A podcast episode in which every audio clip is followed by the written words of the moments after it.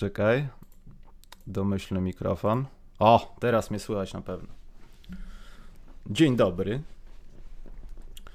Yy, Karola wczoraj nie było na testowaniu Discordowym, natomiast yy, sprawdzałem Discorda wczoraj, Karol, i to wygląda całkiem dobrze. Dzwoniono do mnie z Kanal Plusu i już się boją.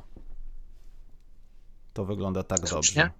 Tak. Słusznie się boją, czy nie? Czy nie słusznie? No nie wiem, słyszałem takie głosy, że chyba tak, bo to naprawdę Karol nieźle wygląda i myślę, że sezon rozpoczniemy, a nawet Bartek był wczoraj i coś mówił, że nawet jakiś, pewnie ta jego drużyna gra to obmierzłe żółte coś w niedzielę, więc yy, może w niedzielę będziemy z Bartkiem coś komentować. Znaczy bardziej on, bo ja to przyjdę popatrzeć może. Także takie techniczne sprawy. Druga techniczna sprawa, dotarły do mnie nowe wlepki, ale jeszcze nie otworzyłem kartonu, nie było jeszcze unboxingu, ale mam nadzieję, że wszystko jest w porządku. Musimy najpierw chyba rozdać te stare, żeby były naprawdę retro. Więc z tego kartonu dziś jeszcze nie otworzę, ale jutro może otworzę i pokażę, co tam się znalazło. Pochwalimy się światu. Natomiast Karol, zanim, zanim przejdziemy do y, głównego wątku programu, czyli super powodów, dla których warto jednak obejrzeć to, co wczoraj widziałem i nie wiedziałem, czy warto obejrzeć, to Karol, oglądałeś wczoraj jakieś mecze? Absolutnie nic. Nic? Czyli nawet nie, zda- nie masz świadomości, jak to wyglądało i... Świadomość mam, widziałem parę akcji meczu Clippers z nie pamiętam kim. No, akcje to za duże słowo. Też widziałem parę zagrań Bolbola i myślę, że już po, tym- po, po, tym, po tym jednym dniu możemy powiedzieć, że wszystkie obawy co do realizacji były, może i były nie bezpodstawne, ale trzeba zaufać Amerykanom i trzeba zaufać NBA, bo póki co to, to, to wygląda bardzo dobrze. No wygląda bardzo A będzie dobrze, wyglądać jeszcze lepiej na pewno. ale Karol, co będzie, kiedy przyjdą prawdziwe emocje? Bo ja widziałem, Boże, to był... Będą emocje. Ale jakie to będą emocje? No to końcówka meczu w Waszyngton-Denver, wygląda, ja pomijam to, jaki to był mecz, no to wyglądała tak, jak wkleili tych ludzi trochę takich e, za dużych na tym ekranie.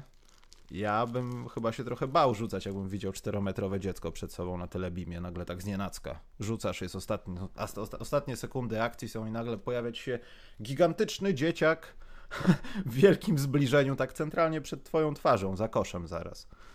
Dziwne uczucie, podejrzewam. To jest, to jest takie detale, na pewno to jest wszystko do, jeszcze do dogrania, na pewno będą konsultacje z drużynami, co wam się podoba, co byście chcieli usunąć, co byście chcieli dodać. Tak myślę. No, mi się to bardzo podobało. Wydawało mi się, że będzie to gorzej wyglądało, a, a wygląda profesjonalnie, no tak jak NBA. I, I tak sobie myślę, że, że chyba jak były jakieś obawy, to nie powinniśmy się obawiać o kogo jak kogo, ale NBA, o amerykańską ligę chyba nie. Jeszcze kolejną rzecz taką wychwyciłem, Karol, to rzucanie z rogów, tam gdzie są miejsca. To będzie też ciekawe doświadczenie, kiedy nie twierdzę, że to pomaga ludziom, nie? Że rzucasz do kosza i zaraz za tobą siedzi Spike Lee i krzyczy coś do ciebie, ale to na pewno będzie jedno z tych y, uczuć, które będą w tym szeregu coś tu nie gra. Wiesz, że pomijając to, że nie ma publiczności, to takie dalekie te przerwy od tych autów, tam gdzie siedzi publiczność, czyli od strony kamery, no nie wiem. Ciężko byłoby się przyzwyczaić, Karol. Od wyceniania odległości i tak dalej to jest naprawdę trudne. To nie będzie proste, Nie mo- podejrzewam. Nie można mieć wszystkiego. Nie można mieć wszystkiego, a uważasz, że Jimmy Butler bez nazwiska to, to fajnie? Bo ja myślałem dużo nad tym. To jest chwyt marketingowy, Karol, ja to odkryłem. Koszulki będą droższe bez nazwisk. Tak, wiem, powiem ci szczerze, y, jakie tam będą manifesty zawodników. Ale ten y, manifest, jakieś- czekaj, czekaj, ten manifest mi się Ja podoba. wiem. Bo moim Tak, zdaniem ja wiem. to jest właśnie takie zero, które powinno być od początku. Ja wiem, jeśli mam to, mam, mam to gdzieś. Jeżeli zawodnicy czują, że chcą coś mieć napisane, albo czują, że chcą mieć, nie mieć nic napisane, niech sobie mają. Mnie to nie, nie spędza snu z powiek i nie zastanawiam się, dlaczego jakiś zawodnik będzie miał to napisane, dlaczego jakiś zawodnik będzie miał swoje nazwisko na przykład, bo na przykład LeBron James będzie miał swoje nazwisko, Anthony Davis będzie miał swoje nazwisko i wiesz, jak, i gdyby ktoś się chciał przyczepić, to można by było się do czegoś przyczepić. O, dla mnie to jest sprawa nawet nie drugorzędna. Ale myślę, że przed tą całą dyskusją, jakie zwroty i słowa można stosować na koszulkach, to powinno wyjść się z taką inicjatywą na dzień dobry. Bo jak tak dłużej to przemyśleć, to, da, to daje jakiś rozdźwięk, wiesz, ten czarnoskóry zawodnik, nie mający nazwiska, to, tamto, powrót do czasów wiadomo jakich, wiesz, to przynajmniej coś tam pokazuje, nie wiem, w głowie coś budzi, a tak napis z tyłu I can't breathe, to myślę, że przynosi jakiś mniejszy rezultat. Nie wiem, czy się na to liga zgodzi. Dobrze, Karol. Ostatnim newsem jest to, bo ty, ja nie wiem, czy Karol słyszałeś o tym, ale yy, odkryto pierwszą kobietę, która dała wsad. Tak, słyszałem, widziałem. I co uważasz, Karol? Czy to jest prawda, czy pani posłanka Krystyna konfabuluje? Uważam, że internet y, za bardzo się napina. Uważam, że ludziom brakuje w dzisiejszych czasach dystansu. Wiesz, bo możemy sobie pożartować i to jest śmieszne, ale są ludzie, którzy autentycznie w internecie się napinają, że ja, gdzie ty, co ty tam opowiadasz? Ludziom po prostu generalnie brakuje dystansu. Ona sobie z panem e, senatorem Pękiem, nie wiem jak dobrze się znają, być może dobrze, i sobie żartują w internecie i sobie zatweetowała do niego, a tu nagle zawrzał internet, koszykarski internet, że jak wsady pani robi, że tak. jak to takie znawcze koszykówki. Ludzie, uspokójcie się trochę, trochę, trochę luzu, więcej luzu. Znaczy najbardziej bawiące było to jak zwykle dyskusja wokół całego tematu, bo tam już no powoli koszykówka zeszła na bok i zaczęło się to co zwykle. I pani Krystyna. Jakiś nagle, jakiś nagle zakon koszykówki poczuł się urażony, że jak to osoba spoza koszykówki, osoba z polityki, osoba kontrowersyjna, osoba. Tak. Nagle ona się wypowiada o naszym świętym sporcie. Ojej, wielkie rzeczy. Ja byłem zaskoczony, że tak dużo głosów się pojawiło też przeciwko tej akcji. Jak to? Pan wkleja taki wsad na 5 centymetrach wysokości, coś tam i tak gdyby to przestawić do jakiegoś, nie wiem, innego kraju jak Stany, to by sobie wszyscy fajne jaja robili, a tutaj się zaczęło to, co się zaczęło. No tak. ale... Za, za dużo za, zacięcia. Trzeba zapisać, że pani Krystyna Pawłowicz w latach 70. wykonała pierwszy wsad jako kobieta. W Stanach stało się to w latach 80. I zostajmy przy tym. Bo to może prawda jest. Swoją drogą chciałbym sobie wyobrazić panią Krystynę, która wchodzi pod kosz. Nie mam aż takiej wyobraźni, Karol, chyba. Dobrze, czekaj, zerknę na czat, co tam się dzieje. O, Walter Sobczak napisał, że pani Krystyna jest moją sąsiadką z osiedla. Wiesz co, chyba nie pozdrawiaj od PSL, bo ona może to też odebrać, że to nie jest podcast, tylko partia, zaraz ci tam będzie niech, urągać. Niech sąsiad, wyjaśni, niech sąsiad wyjaśni, co to jest, może, może zacznie słuchać.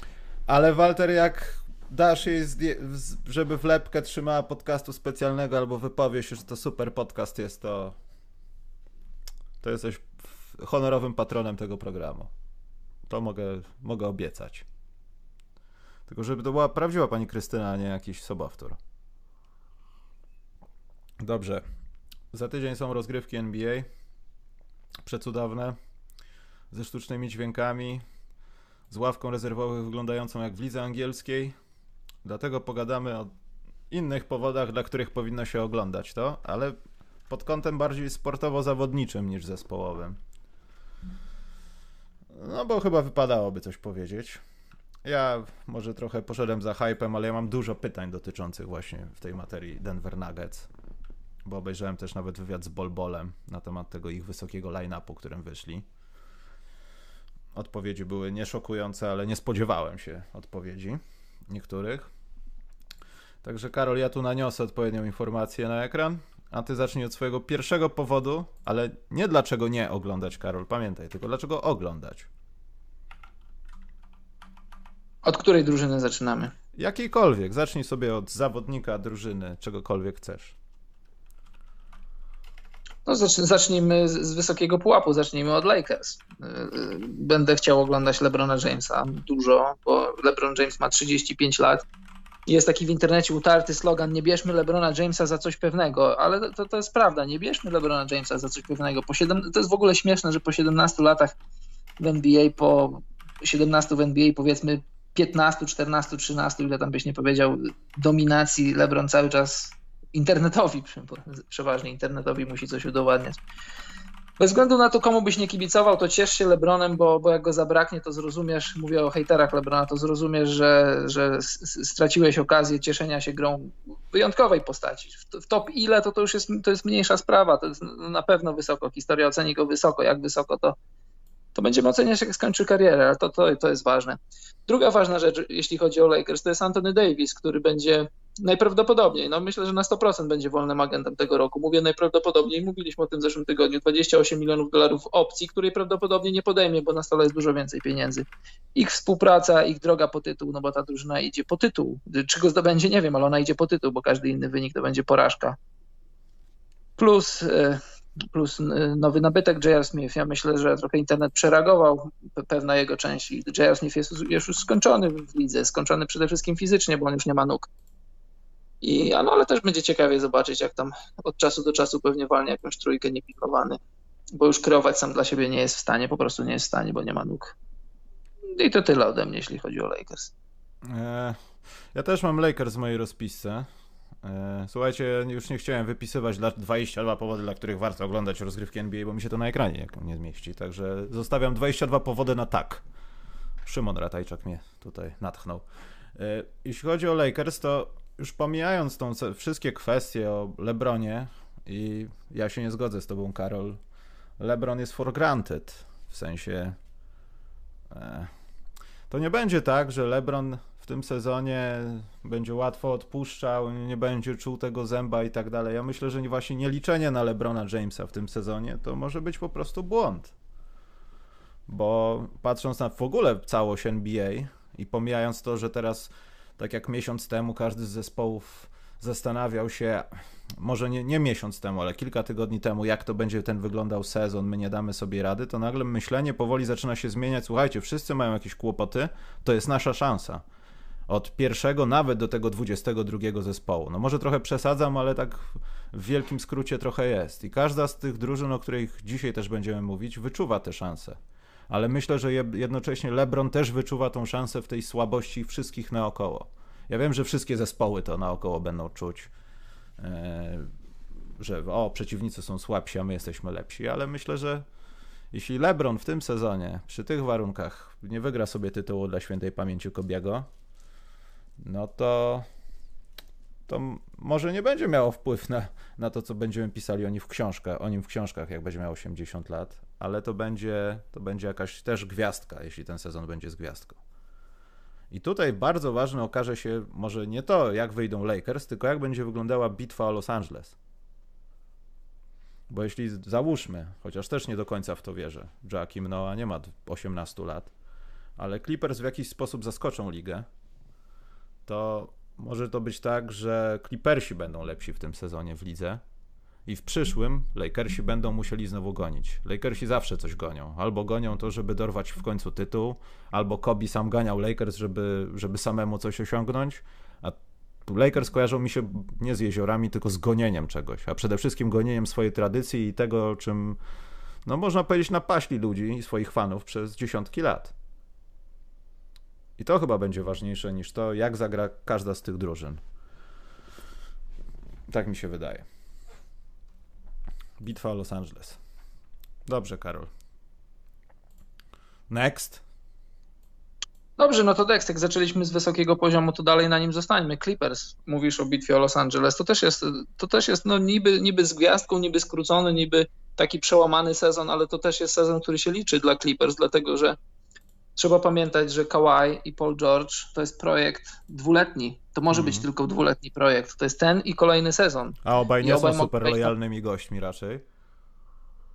O, to tak. Jeśli chodzi o miłość Mogą, klubowo-pieniężną. Jasne, można tak powiedzieć. Obaj, obaj nie są lojalni, obaj nie są tytanami zdrowia.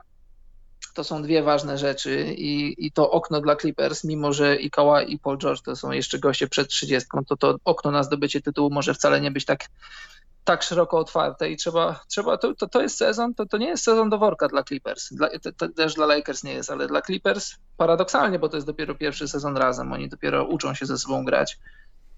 To jest, to jest ważny sezon, mimo że w bańce, mimo że, że, że no tak trochę w innych okolicznościach niż zawsze, to to jest bardzo ważny sezon dla Clippers. Starali się o Kałaja przez cały długi rok, przylatywali do, do Toronto, urabiali wujka, rozmawiali z Kałajem. No i w końcu wychodzili. Jak to mówi mój kolega, chodził, chodził i wychodził w kontekście e, zdobywania kobiet, dziewcząt. Do Clippers też chodzili, chodzili i wychodzili. Taki stalking trochę. No, ale, powiedzmy. Ale wiesz co, to też jest właśnie to a propos tej całej sytuacji. No to już tam wiadomo, mówimy o LeBronie Jamesie, o tym, o tym jego dziedzictwie, to co tam przyniesie ten sezon, co będzie dalej z Lakers i tak dalej, i tak dalej. LeBron nie jest za młody, ale ta sama garść pytań dotyczy Kawaja. No bo też sobie nie wyobrażam, że Kałaj przez resztę swojej kariery będzie jak pan Żabka w Chłopaki nie płaczą. Tu sobie skoczy do zespołu, zagra sobie sezon 2, powalczy o tytuł, może go zdobędzie, pójdzie do następnej drużyny, zagra tytuł 2. Wiadomo, no wiek i zdrowie to się w końcu niedługo pewnie skończy, ale jak tak dalej my pomyślimy, no to Kałaj poza San Antonio może nigdzie miejsca nie zagrzać. I wszystko będzie dyktowane przez osiągnięcia zespołu, który ewentualnie chodził, chodził i wychodził i naobiecywał mu Złote Góry, a te Złote Góry się nie pojawiły. Szli na ośmiotysięcznik, okazało się, że góra ma 1100. I to myślę, że też będzie ważne w kontekście przyszłych sezonów. Dwóch, trzech na pewno. Bo gdyby wymyślić taką hipotezę, że ani Clippers, ani Lakers nie zrobią nic solidnego w tym sezonie i tytuł na zachodzie albo na wschodzie, może Milwaukee zdobędzie ktoś inny, to patrz jak się sytuacja po prostu toczy. No. Kała jest niezadowolony, Paul George spróbujmy jeszcze sezon. W Lakersach Anthony Davis już dawno, więc poszedł sobie gdzieś i nagle zaczynamy od nowa. Wszystko jedno, czy patrząc przez pryzmat zawodników, czy zespołów, to zaczynamy od, od nowa. Mam wrażenie trochę, że w tej sytuacji Clippers są w lepszej, w lepszej sytuacji, masło maślane. Ale bo oni jeszcze się nie nauczyli wygrywać i nie wiedzą, z czym to się jest tak za specjalnie, a Lakersi muszą chcieć wygrywać i muszą wygrywać. To są dwa różne ciśnienia, ale przeznaczenie tych zespołów może być takie samo. Po prostu. No tak, dwa różne, ale też bardzo do siebie podobne, bo, bo Clippers oddali dużo, żeby pozyskać Paula George'a z Oklahomy, tak samo jak Lakers oddali dosyć dużo, albo dużo, po prostu dużo, żeby pozyskać Antonego Davisa. Jak zdobędziesz tytuł, no to cena za tytuł nie, ceny za tytuł się nie mierzy. Jeśli wydałeś, ile wydałeś i zakończyłeś to tytułem, to nikt nie patrzy, ile pików, ile, ilu zawodników, ile, ilu, ile młodych talentów dałeś. Tytuł jest tytuł i on nie ma swojej ceny, ale jak, jak nie zdobędziesz tytułu, to wtedy będzie ci przypominane, co mogłeś mieć, kogo mogłeś zatrzymać, jakie wybory, jeśli, tym bardziej jeśli te wybory będą wysokie i dobre. Bo jak się spojrzy na to, ile Clippers oddali wyborów, ile Oklahoma będzie mieć wyborów. To samo y, Zobacz, Lakers dali Oklahomie, nie Oklahomie, tylko Pelikanom dali wybory w takich latach nefralgicznych, w takich latach, gdzie już albo Lebrona nie będzie, albo to już nie będzie ten, chociaż wiesz, w przypadku Lebrona lepiej nic nie mówić za dużo o jego fizyczności, no bo na każdym kroku zaskakuje. No ale w każdym razie, tak patrząc realnie na to, no to wybór w 2024 czy 2025 roku wygląda dosyć, dosyć atrakcyjnie dla, dla Pelikanów, bo będą mieli ten wybór. Będą się mogli wymienić na te wybory z Lakers. Lakers wcale nie muszą być dobrzy za 5 lat. Tak, właśnie przepraszam, bo mnie tutaj już poprawiają, macie rację. Nie wiem, dlaczego chłopaki nie płaczą z porankiem kojotami się tak mylą. Zawsze. Nie wiem, ale dzięki za poprawkę. Yy...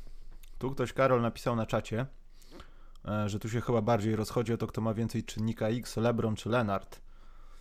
I chyba nie, nie jest tak do końca, bo tak naprawdę patrząc na zespół Clippersów, to Paul George może myśleć, że Leonard jest jego czynnikiem X, albo na odwrót. LeBron trochę nie ma wyjścia, bo nawet jakby nie chciał, to będzie się od niego wymagało, że on musi trzymać za pysk tą drużynę. Wszystko jedno, czy Davis będzie rzucał 20-20 co mecz. I tutaj jest chyba taka największa różnica w tym wszystkim, tak mi się wydaje. Dobrze, Karol. No, bo to jest ciekawe pytanie, no ale zależy, co rozumiemy pod pojęciem czynnika X dla LeBrona i dla Lenarda, czyli czy ich y, tak zwanych sidekicków AD i, i Paula George'a, czy, czy kogoś tam szerzej? No bardziej też pełni składu, no. Też nie oszukujmy się, że mimo, że te dwie drużyny są diametralnie różne, jeśli chodzi o budowę, e, nazwijmy to zamysł, system, i wszystko związane z grą, to tak naprawdę te ich problemy są takie same. Może tak. to nie są minusy, które się pokrywają, ale problemy ich będą takie same. No Lakersi nie wiem, jak będzie z tą głębią składu. No, to może być bardzo podstawowa rzecz. E, nawet przez ten du duży okres odpoczynku od ligi, to w najważniejszych momentach to wejście na ten właściwy rytm. Eee poczekaj, bo znowu coś mam z czatem i się rozłączył, e, to, to może być naprawdę bardzo ważne, bo jeśli chcemy znowu zobaczyć J.R. Smitha z LeBronem Jamesem, który gra po 100 minut na mecz i po raz kolejny obejrzeć powtórkę z rozrywki, no to ja nie wiem, czy kibice Lakers będą zadowoleni. Ale chyba małe szanse są na powodzenie tego. W sensie tego złego planu. Tutaj na czacie też jest y, Ricky Lafleur La, napisał, że o Lenardzie w zasadzie nikt nic nie wie. Wiesz co, Ricky? To nieprawda. Y, wszystko o nim wiemy, znaczy dużo o nim wiemy, tylko że on nie jest medialny, nie pokazuje tego na swoim Instagramie. On tak jak on jest normalnym człowiekiem, tylko jest trochę introwertykiem. Nie trochę? pokazuje swoich treningów. No trochę dużo. Nie pokazuje swoich treningów, nie pokazuje swoich tam swojej rodziny, swoich znajomych. On jest taki jak wszyscy lubi się zabawić, lubi pieniądze, lubi słońce Kalifornii. Normalny gość, tylko że, tylko że cichy jak na standardy NBA. Najlepszy kumpel z osiedla. Dobrze, zejdźmy z tego Los Angeles, bo już taki mał, mała wysypka mimo wszystko wyszła na moim ręku. Moim zdaniem druga bardzo ważna rzecz, którą w tym sezonie, znaczy może nie jest jakoś bardzo ważna, ale którą ja będę bardzo się przyglądał. Tu nie chodzi o zawodnika, ale chodzi trochę o trenera. Czy Nick Nurse jest geniuszem? To jest podstawowe pytanie, z którym Toronto przychodzi w tym roku, w tym roku, w tym sezonie doko dokończonym w ogóle, w tym wszystkim, do gry. Czy jest naprawdę tą postacią, która potrafiła, już nie będę mówił, z czego bad wytoczyć? Eee. Toronto gra więcej strefą od innych, może będą, przepraszam, zaskakiwać jakieś drużyny w tym, na tym początkowym etapie, ale wydaje mi się, że gra Toronto będzie głównie opierała się na tym podtrzymaniu, to się okaże, mitu, nie mitu, Nika Nersa jako świetnego szkoleniowca, bo jeśli on to przejdzie wszystko, znajdzie się w finale konferencji nawet z połową składu kontuzjowaną i że sam się będzie musiał przebierać, ale będzie w tym samym miejscu, on zarabia sobie właśnie bardzo dużo pieniędzy w zespole, który będzie chciał, żeby przyniósł dla niego tytuł. Tak mi się wydaje. No, to, to jest prawda. Ja myślę, że, że on, on już to pokazał w tym sezonie. 46-18 bilans, bilans Raptors bez, bez Kawaja, ale trzeba też pamiętać o, o danym Greenie. Dwóch zawodników z pierwszej piątki odeszło z mistrzowskiego składu. Takie rzeczy nie zdarzają się za często, a odchodzący MVP to, to sytuacja, która nie zdarzyła się nigdy. I, i, i wiesz, trzeba spojrzeć, żeby zrozumieć, co wydarzyło się w Lakers w tym sezonie, to trzeba spojrzeć na, na analizy poważnych amerykańskich dziennikarzy, polskich powiedzmy też, no, ale skupmy się na amerykańskich. Poważni ludzie, poważni ludzie, którzy zarabiają pieniądze z analizy koszykówki NBA, twierdzili, że, twierdzili, że Raptors albo będą mieli problemy z wejściem do, do playoffów, albo wręcz tych playoffów nie zobaczą w tym sezonie. A tutaj mamy, mieliśmy tych ile? 54 mecze, czy tam ile? No, po, no grubo ponad pół sezonu mieliśmy. 46-18 to jest, e, to ile to jest? 64. I to jest, to już jest duża próbka. To, to, to, nie jest, to nie jest żaden przypadek, bo po 20 czy 30 meczach mógłbyś mówić o kalendarzu. Tutaj Raptors, Raptors zrobili coś, czego mało kto się spodziewał i, i było dużo kontuzji w składzie. I Ners pokazał, że jest dobrym trenerem, że to jednak to, co się wydarzyło w zeszłym sezonie, to nie był tylko Kawhi i grupa wsparcia, tylko że to był pełnoprawny team, albo powiedzmy po polsku drużyna przez duże D, i, i to, że Kałaj mógł błyszczeć, to, to, było, to było spowodowane tym, że całe zaplecze, wszystko wokół niego działało tak, jak miało działać. On był ważnym częścią, ważnym trybem tej, tej, tej maszyny, najważniejszym, ale ta maszyna sprawnie działała nie tylko dzięki jego sile. Znaczy, wiesz, no nie możemy zapominać o tych rzeczach, które się wydarzyły do 12 marca. Wszystko się zgadza tutaj z tym, co powiedziałeś, tylko ja dalej podkreślam, że w tych warunkach, nie tak, twierdzę, tak, że Nick Nurse nagle po trzech miesiącach przestanie łączyć ze sobą sznurki w Toronto i sterowanie tą marionetką, jeśli można powiedzieć tak o trenerze i zespole, po prostu straci sens. Ale wydaje mi się, że to będzie jeszcze trudniejsze dla kogoś takiego, kim jest Nick Nurse. Tak po prostu mi się wydaje. Jeśli on to potwierdzi tutaj, ten, to dokończenie sezonu będzie, że tak powiem, in plus, a też ta siła tego nazwijmy to seeding games, ale do kończenia sezonu regularnego też jakaś za potworna nie jest, ale za łatwo też nie jest. Jeśli on to przejdzie i powtórzy się jak gdyby sukces. Ja nie mówię tu o zdobywaniu tytułu mistrzowskiego, ale powtórka sukcesu dla Toronto w tym sezonie, moim zdaniem, to jest finał konferencji. Jeśli przegrają go na przykład, nie wiem, z Milwaukee albo z kimkolwiek, kto tam będzie, no to chyba nie będziemy mówili, że Nickner spieprzył robotę i nie obroniliście tytułu, jesteście do dupy. Nie, no jak najbardziej nie, no bo, no bo wiesz, jeszcze raz wracając do oczekiwań sprzed sezonu, skład był znany. Można mówić o ludziach, którzy poczynili postęp, można, można mówić o debiutantach, na przykład Terence Davis, że gra lepiej niż, niż oczekiwano, no ale generalnie to jest skład minus MVP i minus drugi zawodnik z pierwszej piątki, który był ważnym ogniwem w mistrzowskim składzie. I, i, i Raptors wiesz, no jasne, jak odpadną w pierwszej rundzie, to będzie niedosyt. Jak odpadną w drugiej rundzie po jakimś tam, po jakiejś słabej serii, to będzie tak samo, ale, ale finał konferencji to już, to już będzie nawet i nadwyżka nad to, co, co myśleliśmy, że zrobią. Ale patrząc tak na to, co się dzieje, wyjechali, ktoś ma jakieś kłopoty, no w kilku drużynach słyszeliśmy coś, takie rzeczy, to możemy mówić, że Toronto ma jedną z najmocniejszych piątek na wschodzie, o ile nie w NBA, w tych warunkach. Czy średnio? No w całej NBA to nie, ale w, na Ale jedną na z. Jedną z, ja nie mówię Jedną z, oczywiście. Nie, nie, tak, jedną z, owszem, tak. E, Walter Sobczak zapytał, czy Silver wprowadził zasadę dolar do puszki za każde kurcze pióro w trakcie rozgrywanego meczu. Jakoś nie słyszałem wczoraj wulgaryzmów z parkietu. Wiecie coś na ten temat? Nie, no myślę, że jak coś tam poleci, no to realizacja telewizyjna będzie się tym zajmować, a jak już polecą jakieś takie bardzo nie do wygłuszenia rzeczy, no to Adaś się tam z jakimś czekiem karnym pojawi, ale najbardziej mnie martwi, bo tam ktoś pytał o tym klaustrofobicznych meczach. Chyba Boyd napisał że faktycznie to jest trochę klaustrofobicz, klaustrofobiczne, ale chyba nikt nie będzie zwracał uwagi na przekleństwa, skoro wszyscy prawdopodobnie, tak jak ja, czują jakąś taką dziwną rzecz w mózgu, jak rozgrywa się spotkanie i słuchać kozły i piszczenie butów. To mnie zawsze dobijało na jakichś rozgrywkach ekstraklasy w Polsce albo jakichś innych rozgrywkach oficjalnych, nie wiem, kadry, że jest taka cisza, że z odległości 100 metrów słyszysz, jak ci goście biegają.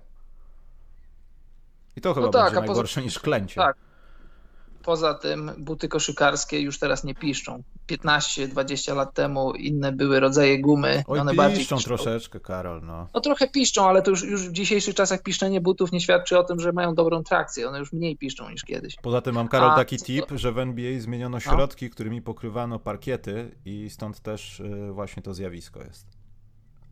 No widzisz, a co do, a co do tego, tych przekleństw, to, to możemy sobie żartować, bo ja nie mam żadnych insiderskich wiadomości na ten temat, ale kto wie, czy przypadkiem nie poszło jakieś nieoficjalne memo albo jakieś spotkanie z członkami drużyny, żeby powiedzieć chłopaki, no takie są okoliczności, jakie są, uważajcie na swoje słowa, no bo koszykarze to są, to są inteligentni sportowcy i, i wiesz, i oni, oni wiedzą, że są częścią pewnego produktu, produktu, który został trochę uszczerbiony przez, przez takie, a nie inne okoliczności. I oni, oni pracują na to, żeby ten produkt był, żeby ten produkt cały czas się sprzedawał, bo to jest cały czas, to jest cały czas niepewne salary cap na przyszły sezon i kolejne lata, a tacy wielcy wolni agenci jak na przykład Anthony Davis, Ingram, czy no mówię o zawodnikach na ten na przyszły rok, ale w perspektywie są inni jeszcze, jeszcze jest przecież, przecież jest Janis i Bradley Bill, no Bradley Bill to nie, bo ostatnio podpisał, no ale cała, cała grupa, która jest w kolejce i oni, im powinno zależeć na tym, żeby salary było wysokie i rosło, tak jak się tak jak się przewidywało w ostatnich latach, żeby to nie spadało, bo to są, to są ich żywe pieniądze.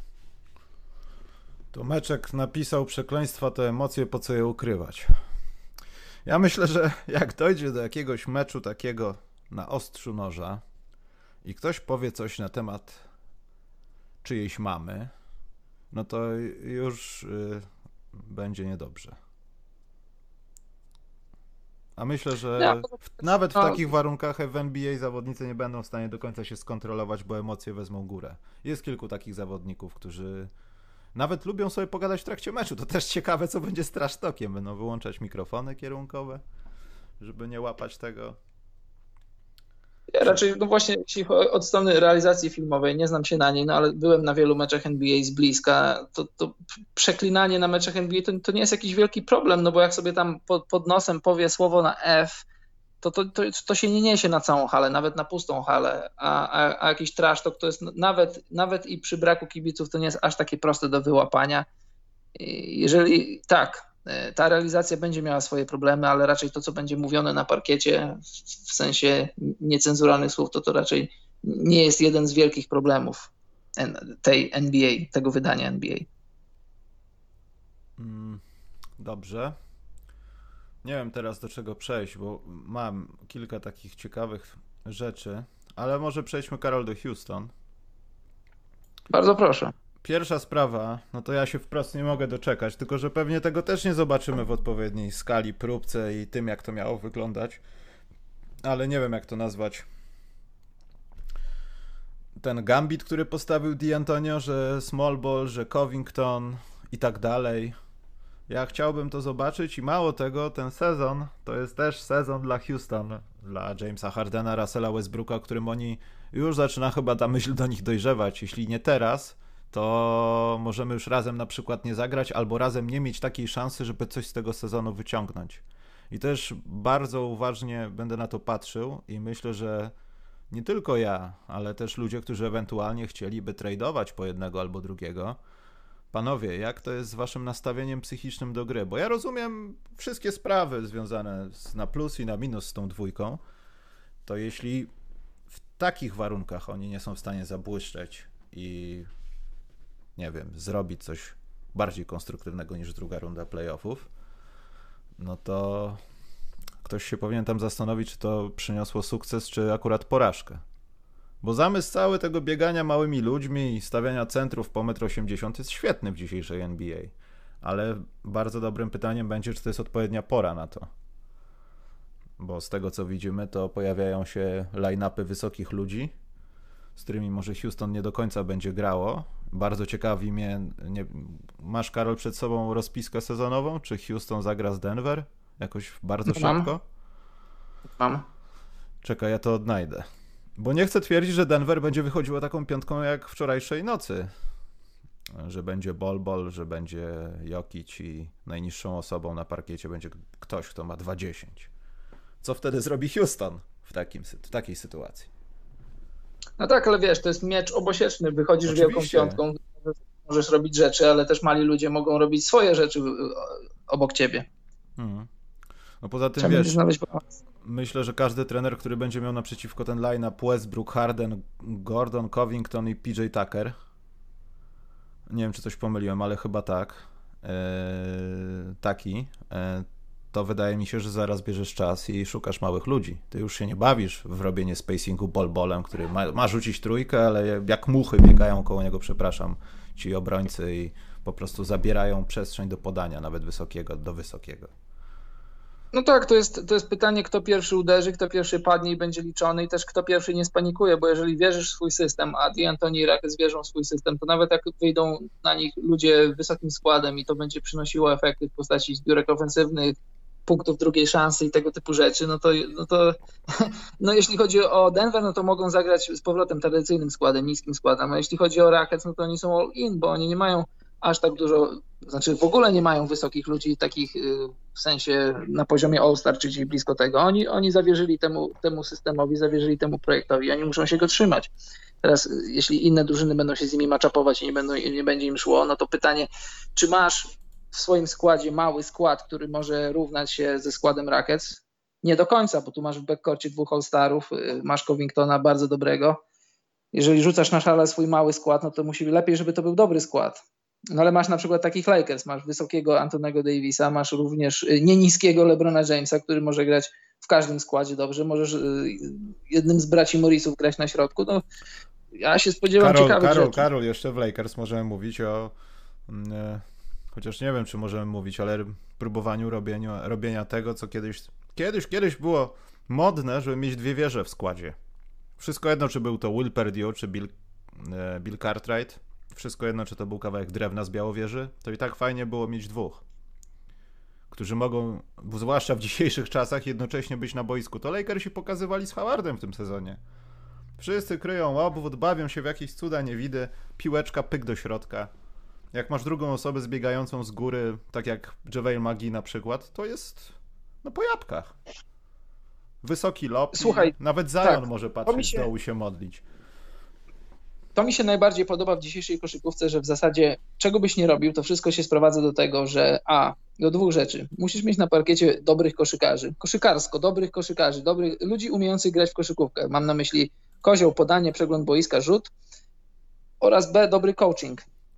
Niby proste rzeczy, a nie do końca, bo, bo kiedyś mogłeś 15-20 lat temu mogłeś mieć po prostu ludzi dużych, którzy faulują, stawiają zasłony, ścinają pod kosza. W dzisiejszych czasach, kiedy y, trochę się zmieniły przepisy, ale też się zmieniło w ogóle rozumienie koszykówki. Jest większa odwaga. Zobacz, kiedyś, czy kiedyś byś widział gościa, który ma 20 czy więcej i, i zostałby wystawiony na pozycję rozgrywającego. No wiesz, mieliśmy jednego, Macika Johnsona, ale to był to był, no, to był wyjątek klasy, klasy, wiesz, zawodnika jednego z najlepszych w historii koszykówki. No to, to, to, to, to, to mówi samo przez się. No ale ja jestem, ja, tak jak ludzie hejtują często dzisiejszą koszykówkę i tam mówią o, o tych wspaniałych latach 90., to, to ja, osoba, która wychowała się na latach 90., zawsze mówię, że cieszmy się tą koszykówką, bo to, to, to są świetne czasy w koszykówce. Owszem, być może trochę rzuca się za dużo za trzy punkty, ale odjąć to wszystko, to, to jest y, wariacje na temat koszykówki. Wystawiasz wielkiego człowieka na pozycji rozgrywającego, wystawiasz małych ludzi na środku, wystawiasz najbardziej utalentowaną piątkę, jaką masz w swoim składzie, to są takie, to jest takie ABC koszykówki. James Naismith byłby zadowolony,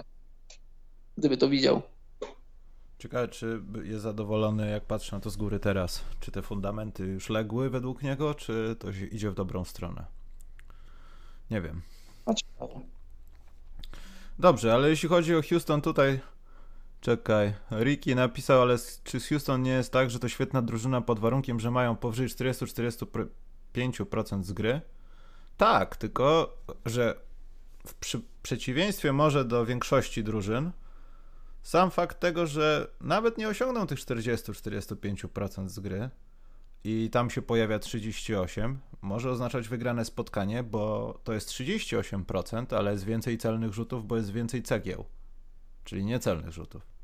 I oni są w stanie wygenerować kilka rzutów więcej od przeciwnika. Pytanie tylko, ile z nich trafią. No i właściwie to, to można by odnieść do każdej drużyny. No jak nie trafiasz swoich rzutów, to nie trafiasz nie, ale myślę, rzutów. ale mówię tutaj, Karol, o wolumenie, że a to tak, nie, to jasne. stać jest więcej... na więcej w tym samym czasie niż ciebie, nawet jeśli ty realizujesz swój plan w 100%. Po prostu, no przez tak, samo bieganie, spacing, poruszanie się, zasięg rzutu zawodników, cokolwiek. A co gdy wypada Harden? No to no a co, a co gdy wypada LeBron James, a co gdy wypada Jokic? No to, to, to jest to samo pytanie i ta sama odpowiedź do każdej A co drużyny, gdyby Walt Disney zbankrutował i trzeba byłoby to zamknąć? To są tego typu pytania. Swoją drogą jestem ciekaw, czy, znaczy ja mam nadzieję, że nie, tfu, tfu, ale czy oprócz całej sytuacji covidowej zobaczymy osłabienie jakąś, jakąś kontuzją poważną i będziemy musieli wrzucić w piach wszystko, co powiedzieliśmy. Także tak. No ja jestem też bardzo ciekawy, to już nie tylko w odniesieniu do Rackets, ale ogólnie wszystkich tych ozdrowieńców. Westbrook, Bledsoe z tych ostatnich mhm. i cały szereg innych, którzy na przestrzeni ostatnich tygodni mieli COVID i wracają do zdrowia. Bo to też mówiliśmy kilka razy, ja się tak zastanawiałem głośno. Jeszcze nie wiemy, jak ta choroba, jakie ma długofalowe działanie. To jest, to jest wszystko w fazie, w fazie badań i jeżeli ludzie przechodzą ją bezobjawowo i w zasadzie nic się nie dzieje z ich zdrowiem, no to tutaj mówimy o zawodowych sportowcach. Jeżeli nawet tych kilka procent spadnie twoja wydalność w skali już takiego już twojego życia, a nie na, a nie na krótką metę, no to, to, to mogą być różnice. Jeżeli jesteś zawodnikiem elitarnym, top powiedzmy 10-15 all-starem i nagle, nagle spadasz na poziom nie wiem, z, z 25 zdobywanych punktów na 18 czy 19, to jest wielka różnica a być może tak będzie z jakimiś zawodnikami. Nikomu tego nie życzę, ale jeżeli wydolność twoich płuc spada, no też spada wszystko to, co robisz na boisku. Dawid Wakuła napisał, że tam walenie chorej ilości trójek ma też plus, a jak zacznie wpadać, to potrafią drobić kilkanaście punktów, dwie minuty, jak nie zacznie to kaplica. Tak. To chyba ma na tym polegać od początku do końca, tak mi się wydaje. I też jest jakimś takim no, jedynym wynikiem, takim może nie jedynym, ale zero-jedynkowym. Albo tak, albo tak. Albo jest blowout, albo my fundujemy blowout. Przeważnie. Y, dobrze, ludzie domagają się Filadelfii, Karol, więc przyspieszmy i przejdźmy do Filadelfii. Ostatnio Brett Brown, który wydaje się, że już ma kontrolę nad drużyną, może dzięki tej przerwie zaczął kontrolować sprawy. Y, Chcę przesunąć Bena Simonsa, przepraszam, na czwórkę. Mhm. Ja nie wiem, co mam o tym myśleć, Karol. Bo myślę, że to chyba nie jest najważniejsze w, w tym Benu Simonsie. To, to nie jest czynnik, myślę, ja wiem, ta statystyka, że jako osoba w pick and rollu stawiająca zasłonę ma tam ileś punktów powyżej jednego na posiadanie i tak dalej, i tak dalej. Ale czy to relatywnie przełoży się na cokolwiek w grze, kiedy masz faceta w stroju, jaki nosili w Czernobylu, czyli Joela Embida i, i tak naprawdę nie możesz tak do końca być tą osobą. Bo będziesz tym, tym, który roluje, ale nie stawia zasłonę w tym wszystkim. I tak naprawdę gdzieś tam po jakichś switchach i tak dalej stracisz tą pozycję i to będzie tylko pozycja, którą pokazują w kartach albo w NBA 2K21. No tak właśnie, to, to, trochę to, wydaje. To, to, masz rację, tak ci dobrze się wydaje, ja tak samo myślę. To jeszcze raz wracam do tego, co powiedziałem o dzisiejszej koszykówce, że najważniejsze jest to, jak wykorzystujesz swoich ludzi, a to, co mają przypisane, to znaczy jaką pozycję mają przypisane, to jest w zasadzie tylko symbolika tego, żeby, żeby wydrukować statystyki po meczu. Y, najważniejsze jest to, jak będzie Ben Simmons wykorzystywany, jakie ma, jakie ma atuty, jakie ma atuty swojego ciała, jakie ma atuty swojego intelektu i sposobu, w jaki gra w koszykówkę.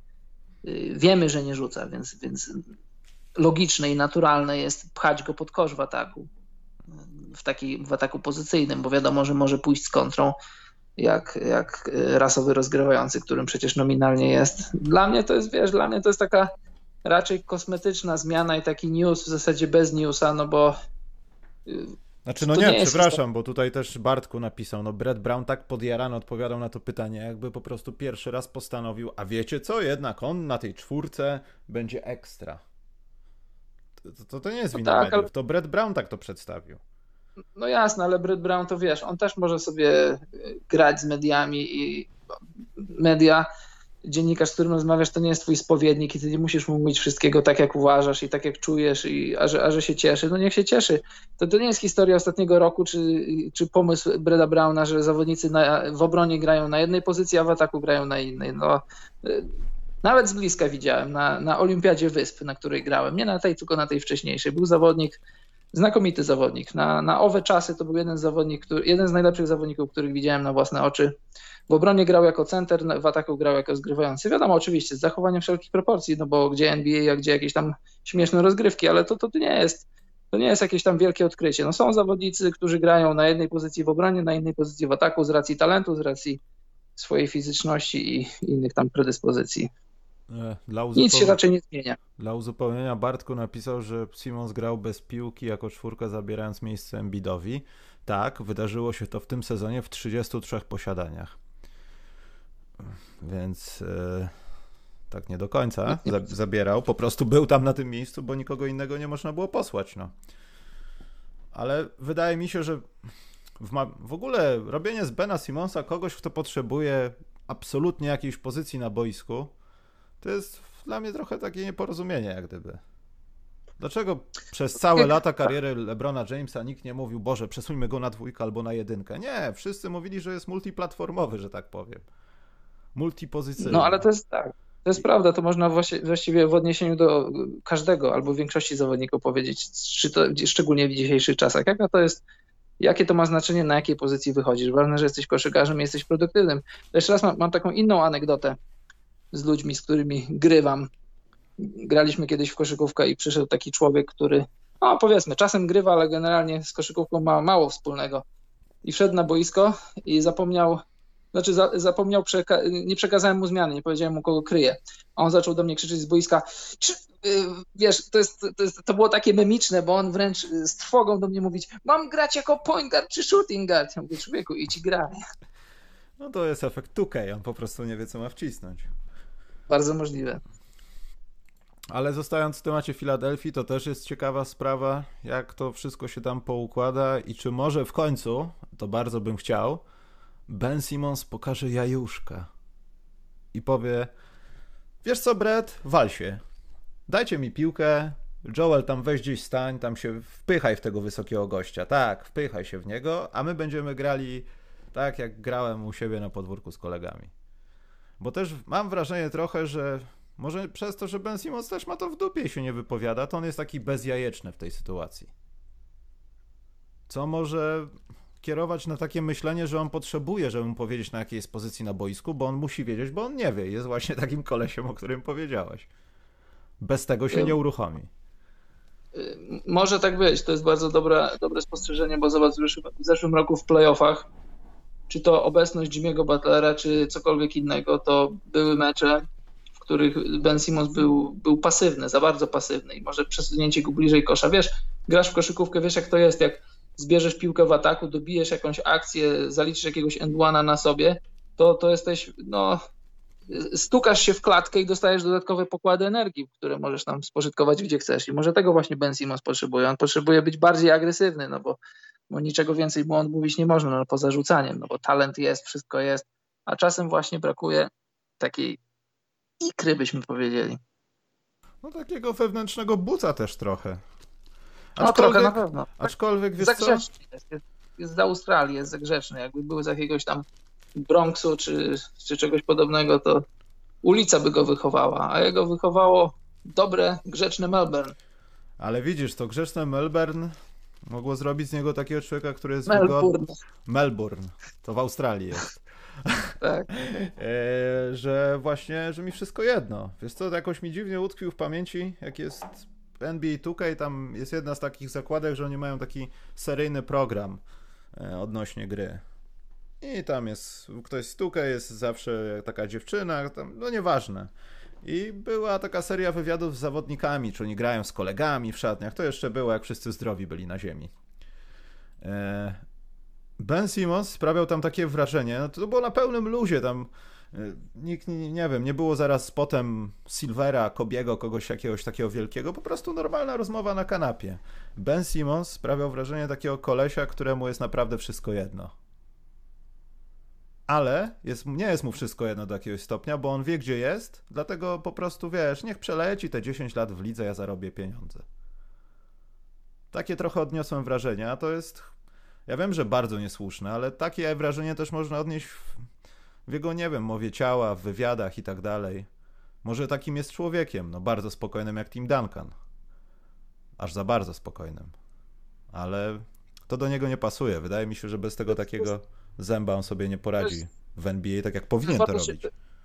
Bardzo ciekawe zagadnienie, właściwie można by było cały podcast temu poświęcić, bo teraz pytanie, czy, czy obecne gwiazdy są bardziej zmanierowane i mniej twarde niż gwiazdy lat 90., bo A, takie są, bo takie są czasy, czy B, bo o nich wiemy więcej, oni sami więcej nam pokazują, pokazują nam swoją e, rodzinną część, swoją swoją taką prywatną część, czyli, czyli z góry już wiadomo, że bardziej miękką niż to, co widzimy na boisku. Czy jakbyśmy na przykład widzieli, że ach, Karmalon to może nie, no ale ktokolwiek inny pokazuje swoje jakieś tam obrazki z własnego domu, swoje dzieci pokazuje, więcej go widzimy y, na różnych platformach, nie tylko w telewizji, w internecie, na Instagramie, gdziekolwiek, to czy trochę inaczej nie, nie patrzylibyśmy na tamte gwiazdy? Bo ja, ja mam podobne spostrzeżenie, bo na przykład jak słucham Devina Bookera, to, to nie zawsze mam znaczy mam wątpliwości, czy, czy koszykówka u niego jest na pierwszym miejscu. I to nie musi być żaden zarzut, bo prawdopodobnie u żadnego z koszykarzy poza, nie wiem, Kobim Bryantem, Jordanem, Garnetem i może kilkoma innymi koszykówka nie była na pierwszym miejscu, co nie musi być problemem i pewnie nie jest.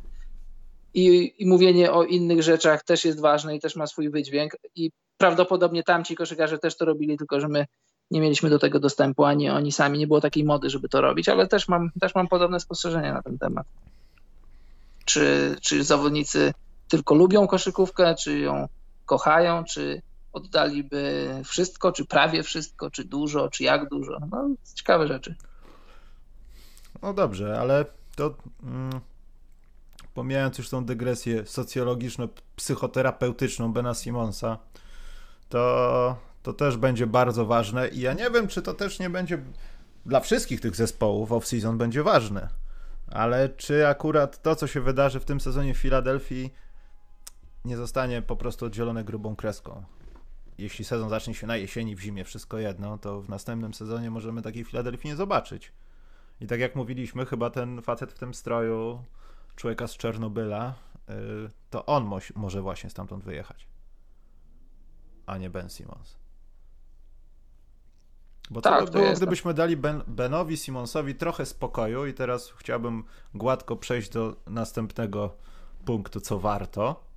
To, to też Boston Celtics są w takim położeniu, Jason Tatum są, jest w takim położeniu. Trochę podobnym do Bena Simonsa. Tylko, że. Ja już od, tak, od ponad roku jestem orędownikiem tego, żeby ich rozdzielić. Znaczy, jak ten projekt ma się nie udać, no to niech się nie uda w taki sposób, żeby każdy z nich dostał swoją drużynę i na swój sposób został wykorzysta, wykorzystany w pełni, bo moim zdaniem dopóki jeden z nich się nie nauczy rzucać, a prawdopodobnie się to nigdy nie stanie na takim poziomie, jaki, jaki można by mieć innych strzelców, no to, to ich talenty nie będą w pełni wykorzystane. To też bym chciał zobaczyć, jak Ben Simmons trochę na kształt tego, co robi Janis w Milwaukee, dostałby swoją drużynę z czterema strzelcami i wtedy grałby już może nawet i na środku, robił robotę, dostałby spacing. Hmm. Widzę to, widzę to. E, ale zostając w temacie Bostonu, wydaje mi się, że Jason Tatum w tych playoffach troszeczkę może, może nam może nam pomóc przypomnieć sobie to, co się działo w 2018 roku? Bo jeśli tego nie zrobi, to sytuacja jest bardzo podobna jak na przykład w Filadelfii. Myślisz? Ja myślę, że jeszcze nie, że bardziej zegar tyka nad Filadelfią niż nad Bostonem. Ale nie, mówię tutaj w kategorii graczy. Jalen Brown i Jason Tatum. Tu nawet Boston spodziewa się decyzji w końcu. Kim wy jesteście, panowie, i na którego z was możemy stawiać, bo mamy różne sygnały trochę i chcemy, żeby te sygnały nie były różne i chcemy znać odpowiedź. Bo ja chciałbym zobaczyć, żeby Jalen Brown był, był tą pierwszą postacią. Ale to może się aż tak szybko nie, nie stać. Po pierwsze, po drugie, ktoś może stracić cierpliwość i stwierdzić: A, ten Tatum nam wystarczy. W ogóle dziękujemy panu za trade z, z Brooklynem, bo, bo te piki są właśnie stąd, więc my sobie poradzimy, dokoptujemy jeszcze kogoś, tu jakiś kontrakcik schodzi, zapłacimy komuś więcej i zrezygnujemy z tych dwóch półkul. A jeszcze rok temu była Karol rozmowa na ten temat, że oni równocześnie się rozwijają, będą two-man punchem w NBA, już lada moment. Tylko, że jeden gra na pianinie, a drugi gra w kosza. Kim wy jesteście? Ja myślę, że to, to, już, to już jest powiedziane, że oni, no, oni mogą grać ze sobą razem. To, to, to nie, ma, nie ma znaku zapytania przy tym, tylko pytanie, jak daleko, jak daleko z tym duetem Boston może zajść. Jak wysoko jest ich sufit. No bo Tatum pokazuje, miał taki miesiąc, niecały miesiąc, że, że grał jak, jak zawodnik przynajmniej top ten NBA, naprawdę grał znakomicie. Jeżeli to może być kiedyś, za sezon czy za dwa, im szybciej, tym lepiej dla Bostonu. Jeżeli to kiedyś może być jego norma za cały sezon, no to, no to, to już masz zawodnika, z którym możesz zdobyć tytuł. Pytanie, jak wysoko jest, jak wysoko jest sufit Jalena Browna, czy Jalen Brown może być dwójką do jedynki Tatuma. Ale to myślę, że to wiesz, no bo, no bo za rok będziemy rozmawiać, no bo Jalen Brown jest już podpisany teoretycznie. Nie, nie teoretycznie, tylko faktycznie Boston już mu zaufał. No tak, no. Ale to wcale nie oznacza, Karol, że, że wiesz, tam toreb nie, nie możemy nie nic spakować. Każdy, każdy kontrakt jest do ruszenia, tym bardziej, że tym bardziej jeśli mówimy o zawodniku młodym, którego jeszcze można rozwijać, bo być może tym, są drużyny, które... Karol, bardzo ważna rzecz. Jalen Brown pewnie dalej w swojej głowie ma to, że on dalej jest w tej grze, no, kto jest lepszy w Bostonie. I on jest młodym człowiekiem. On będzie chciał w pewnym momencie zadać podstawowe pytanie władzom. Panowie, ja bym troszeczkę może więcej chciał. Wiecie, jestem młody, zdolny, utalentowany. Akurat teraz troszeczkę wchodzę w tej mojej krzywej primu, primu bo się poprawiłem, lepiej rzucam, zbieram bronię. E, to musimy się dogadać. A jak się nie dogadamy, no to ja sobie wybiorę jakąś za 2-3 lata dobrze grającą Atlantę i tam będę brylował. No póki co to Jalen Brown już się dogadał minionego lata i za kontrakt całkiem niezły. No ale ja mówię o tym pójściu dalej, wiesz, Karol. To, to jest tylko tutaj takie, myślę, nawożenie terenu. Jeśli jesteśmy już przy Bostonie, to dla mnie ciekawą kwestią jest zdrowie Kemby Walkera, no bo mamy trzy miesiące od, od kiedy ostatni raz graliśmy w koszykówkę, a dochodzą do nas newsy, że z, z kolanem Kemby Walkera nadal nie jest w porządku, to wiesz, trzy miesiące na kolano to jest dużo, jeżeli mówimy o drobnym urazie, a, a, a za, a za taki był przedstawiany, kiedy opuszczał mecze, mecze Walker i to może być problematyczne, bo masz gościa, którego dopiero podpisałeś, ma 30 lat, czyli jeszcze relatywnie nie aż tak dużo, a jeżeli to jest problem, który będzie się, będzie cały czas się już, już mu towarzyszył na, w drugim rozdziale jego kariery, no to to może być kłopot dla Bostonu. Też ciekawą rzeczą będzie, czy, czy Hayward podejmie opcję za 34 miliony. Czy będzie Wokół Bostonu jest kilka, jest kilka, tak, kilka, kilka znaków zapytania, ale to są ciekawe znaki zapytania, bo, bo Boston może być jeszcze lepszy, bo jak, bo jak jeśli powiedzmy, że Hayward zagra ostatni sezon, jeśli podejmie, myślę, że podejmie, no bo ciężko byłoby z takich pieniędzy odejść, no to jak już te pieniądze zejdą całkowicie z ksiąg Bostonu, to będą dodatkowe pieniądze na kogoś zdrowszego, lepszego, bardziej pasującego do, do Browna i Tatuma. No i legendarny Taco Fall jest, Karol. Tak, nie możemy o nim to zapominać. To jest jedyny chodzący matchup na Bolbola. Ja nie widzę innego wyjścia. To jest matchup, na który jeszcze nie zasługujemy. Mhm. I nie zasługujemy na Brada Wonamakera, czy, czy jeśli tak to się wymawia, to też na to nie zasługujemy. No, on sam nie zasługuje na NBA. E, nie, no nie przesadzajmy, to była moja cicha nadzieja fantazy jeszcze tam gdzieś w lutym. Nie, no zły nie jest, ale w Eurolidze był lepszy. Natomiast y, ten sezon i tutaj myślę, że ja nie wiem, czy mamy w NBA gdzieś podobną sytuację, gdzie mamy drużynę, która mimo najszczerszych chęci trenera może nie wzrastać tak, jak się spodziewają ludzie, spodziewają się władze i tak dalej. I może po tym sezonie będziemy mówić o tym, że Brad Stevens się tam coś marnuje troszeczkę? Że patrząc na to, że masz na przykład Franka Vogela w Lakers. Może Brad Stevens w Lakers? To byłaby ta brakując, brakujący element układanki, młody, zdolny. Wiadomo, może nie poukładany i nie będący w 100% przejmować koncepcji Lebrona, ale mający, nie wiem, jakiś swój pogląd na to wszystko. Ja nie wiem, czy tak się może nie stać, jak coś źle pójdzie. Bo ten Kemba Walker kontuzjowany, ta ich jedynka no to trzeba będzie kombinować trochę. A Brad Stevens jest naprawdę dobrym trenerem i czasami patrząc na to, co robił Boston na boisku, może trochę nawet nie zasługująca na kogoś takiego na ławce. Ja nie mówię zawsze, ale były takie sytuacje, że to 40 i tam 21 to tak nie wyglądało jak 40-21. Jestem ciekaw, co z nim będzie. Dobrze, Karol, następna drużyna. Niech to będzie Miami. O! Jak jesteśmy na wschodzie, to zostańmy na wschodzie. Miami mówisz? Co masz do Miami? Ja wynotowałem sobie, ja nie wiem, ja mam jakieś zboczenie z centrami może, ale moja kryształowa kula przeczuwa, że Bama de Bayo wejdzie na poziom wyżej dzięki temu sezonu. I to będzie taki poziom wyżej, że może być trochę za wysoko. Taki moment kiedyś miał chyba Alf Horford w swojej karierze. Tak troszeczkę. Że wszyscy się spodziewają więcej, ale tak dużo nie jest, ale... A poza tym w ogóle cholernie podoba mi się Miami. Wszystko jedno, czy będą grali z nazwiskami, czy nie.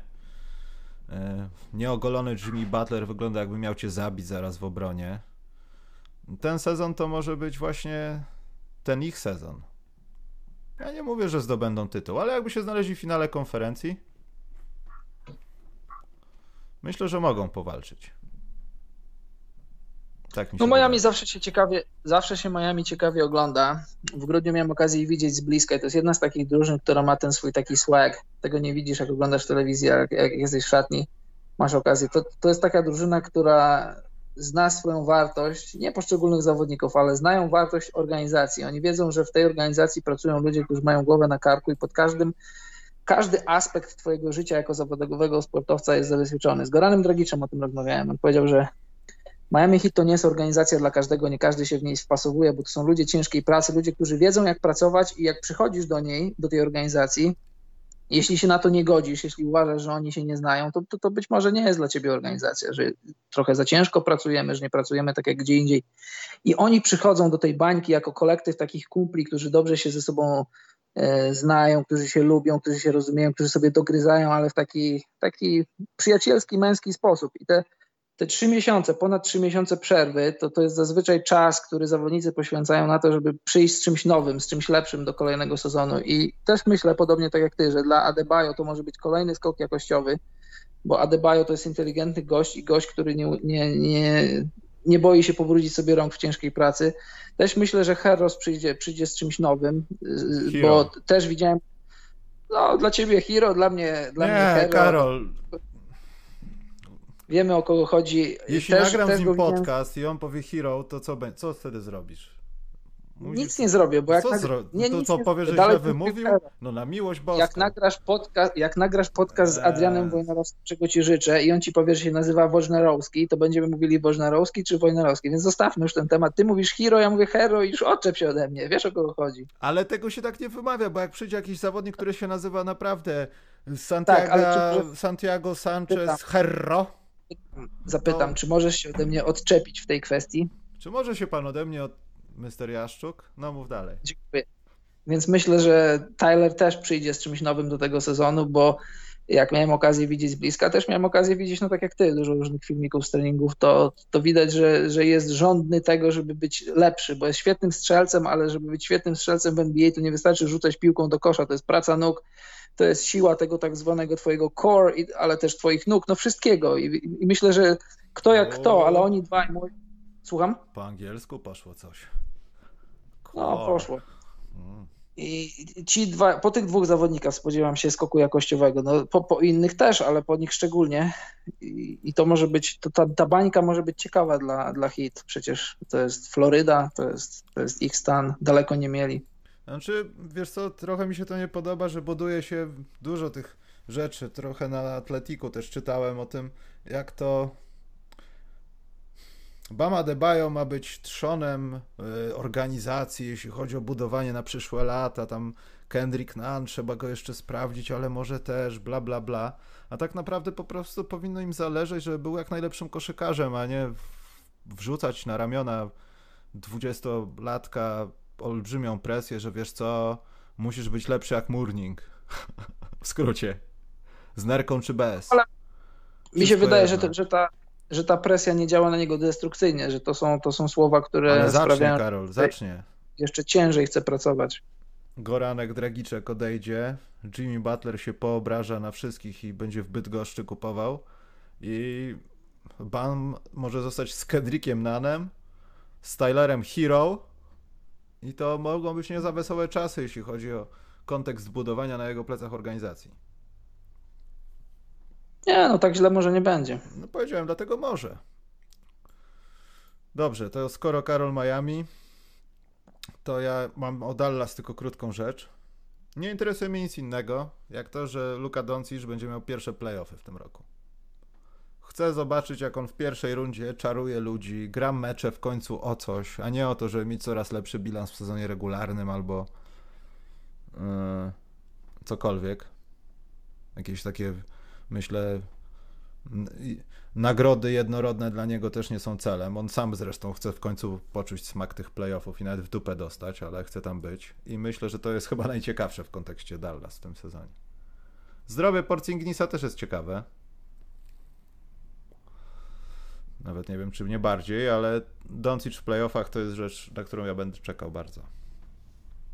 No tak, ja tak samo. Zobaczyć, zobaczyć Doncicza w playoffach i jeszcze raz współpracę ich dwóch, Porzingisa i Doncicza na parkiecie, jak daleko ich to zabierze. No bo kto wie, wiesz, różne historie się zdarzają, może na fali, na fali może nie tyle szczęścia, co jakiegoś takiego kombinacji trochę szczęścia, trochę dobrej formy czy gorszej formy rywali może, kto wie. Nie mówię, że tytuł i nie mówię, że finał konferencji, ale jakaś taka ciekawa seria z, no teraz by grali z Clippersami, jakby wzięli Clippersów do sześciu czy siedmiu meczów, to to można by było brać za, za całkiem niezły sezon. Właśnie taka myśl teraz mi weszła do głowy, że za jakieś 10-20 lat, nie wiem, może więcej, e, życzę jak najdłużej, żeby on kontynuował, Mark Cuban powinien dostać jakąś pieprzoną nagrodę od ligi. Bo to wszystko, co robił przez te lata, było oparte na jednym wielkim przypale, tak jak jego wielka kariera w, w branży biznesowej, nazwijmy to, o ile to jest branża. E, wiesz, przyjechać samochodem, mieszkać, spać w samochodzie, a potem dorobić się takich milionów, że dobra, te pół bańki kary dla władz ligi to tam parę razy w sezonie mogę płacić, mam to w dupie. I Mark Cuban musi dostać jakąś statuetkę za to. To jest oczywiście nagroda im plus, ale to jest taki kontrolowany chaos. Masz jakieś cele do osiągnięcia, dzieją się różne rzeczy naokoło, a ty i tak jak kot na cztery łapy zawsze. To mi się podoba. Mhm. Dobra, y, Indiana, Karol. Ja w Indianie chciałbym doczekać się w końcu, że wszyscy wiemy o co chodzi.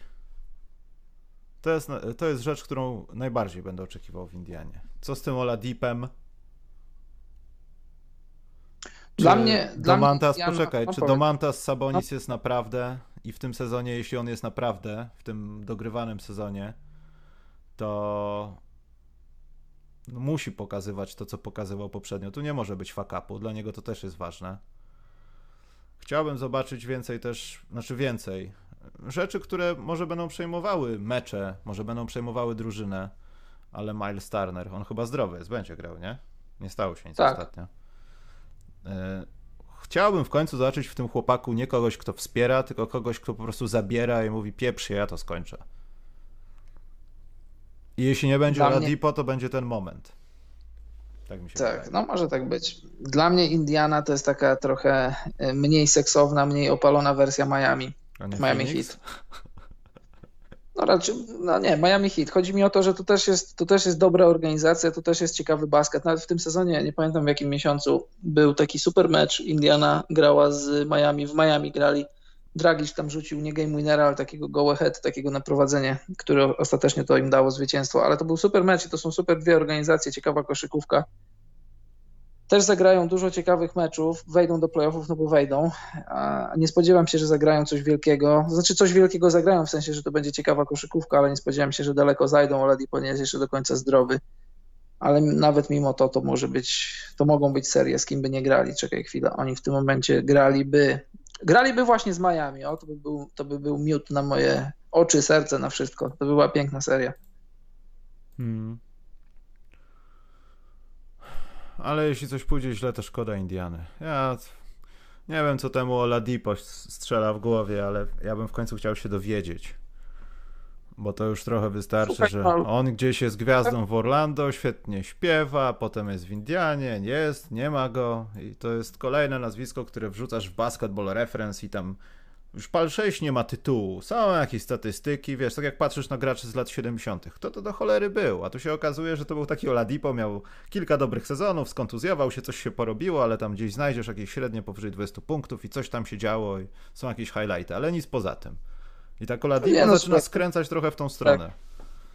Słuchaj, no pewnie się nie dowiemy. Gość ma 28 lat, jest, jest po poważnej, bardzo poważnej kontuzji i on już jest uprawniony do tego, żeby kontrakt przedłużyć. Ja o tym mówiłem tydzień czy dwa tygodnie temu i podejrzewam, że już były jakieś tam rozmowy i te rozmowy jeszcze się nie spięły, że oczekiwania tego, co klub daje, a tego, co Oladipo chce, są jeszcze na tyle rozbieżne, że, że tam, no, jak to mówią, nie ma trakcji w tych, w tych negocjacjach. I on początkowo się pewnie częściowo obraził, że nie zagra w bańce, ale później sobie pomyślał, ale później może sobie pomyślał, że może oni sami też mu powiedzieli, no zagraj dobrze, to przynajmniej będziesz miał jakąś silniejszą kartę do negocjacji, bo on będzie grał na schodzącym kontrakcie za 21 milionów w przyszłym sezonie, a nikt nie chce grać na schodzącym kontrakcie, bo wiadomo, różnie może być i twoja rynkowa wartość może spać, jak dostaniesz kolejnej kontuzji, a nie jest to wykluczone w takim stylu, w jakim grał Po 28 lat to też już niebezpiecznie blisko 30 i pewnie kombinacja tych rzeczy tutaj działa, że chciał dostać pieniądze, pewnie jeszcze przed wyjazdem do bańki pieniędzy nie dostał, albo zaproponowali mu dużo mniej niż myślał, że dostanie.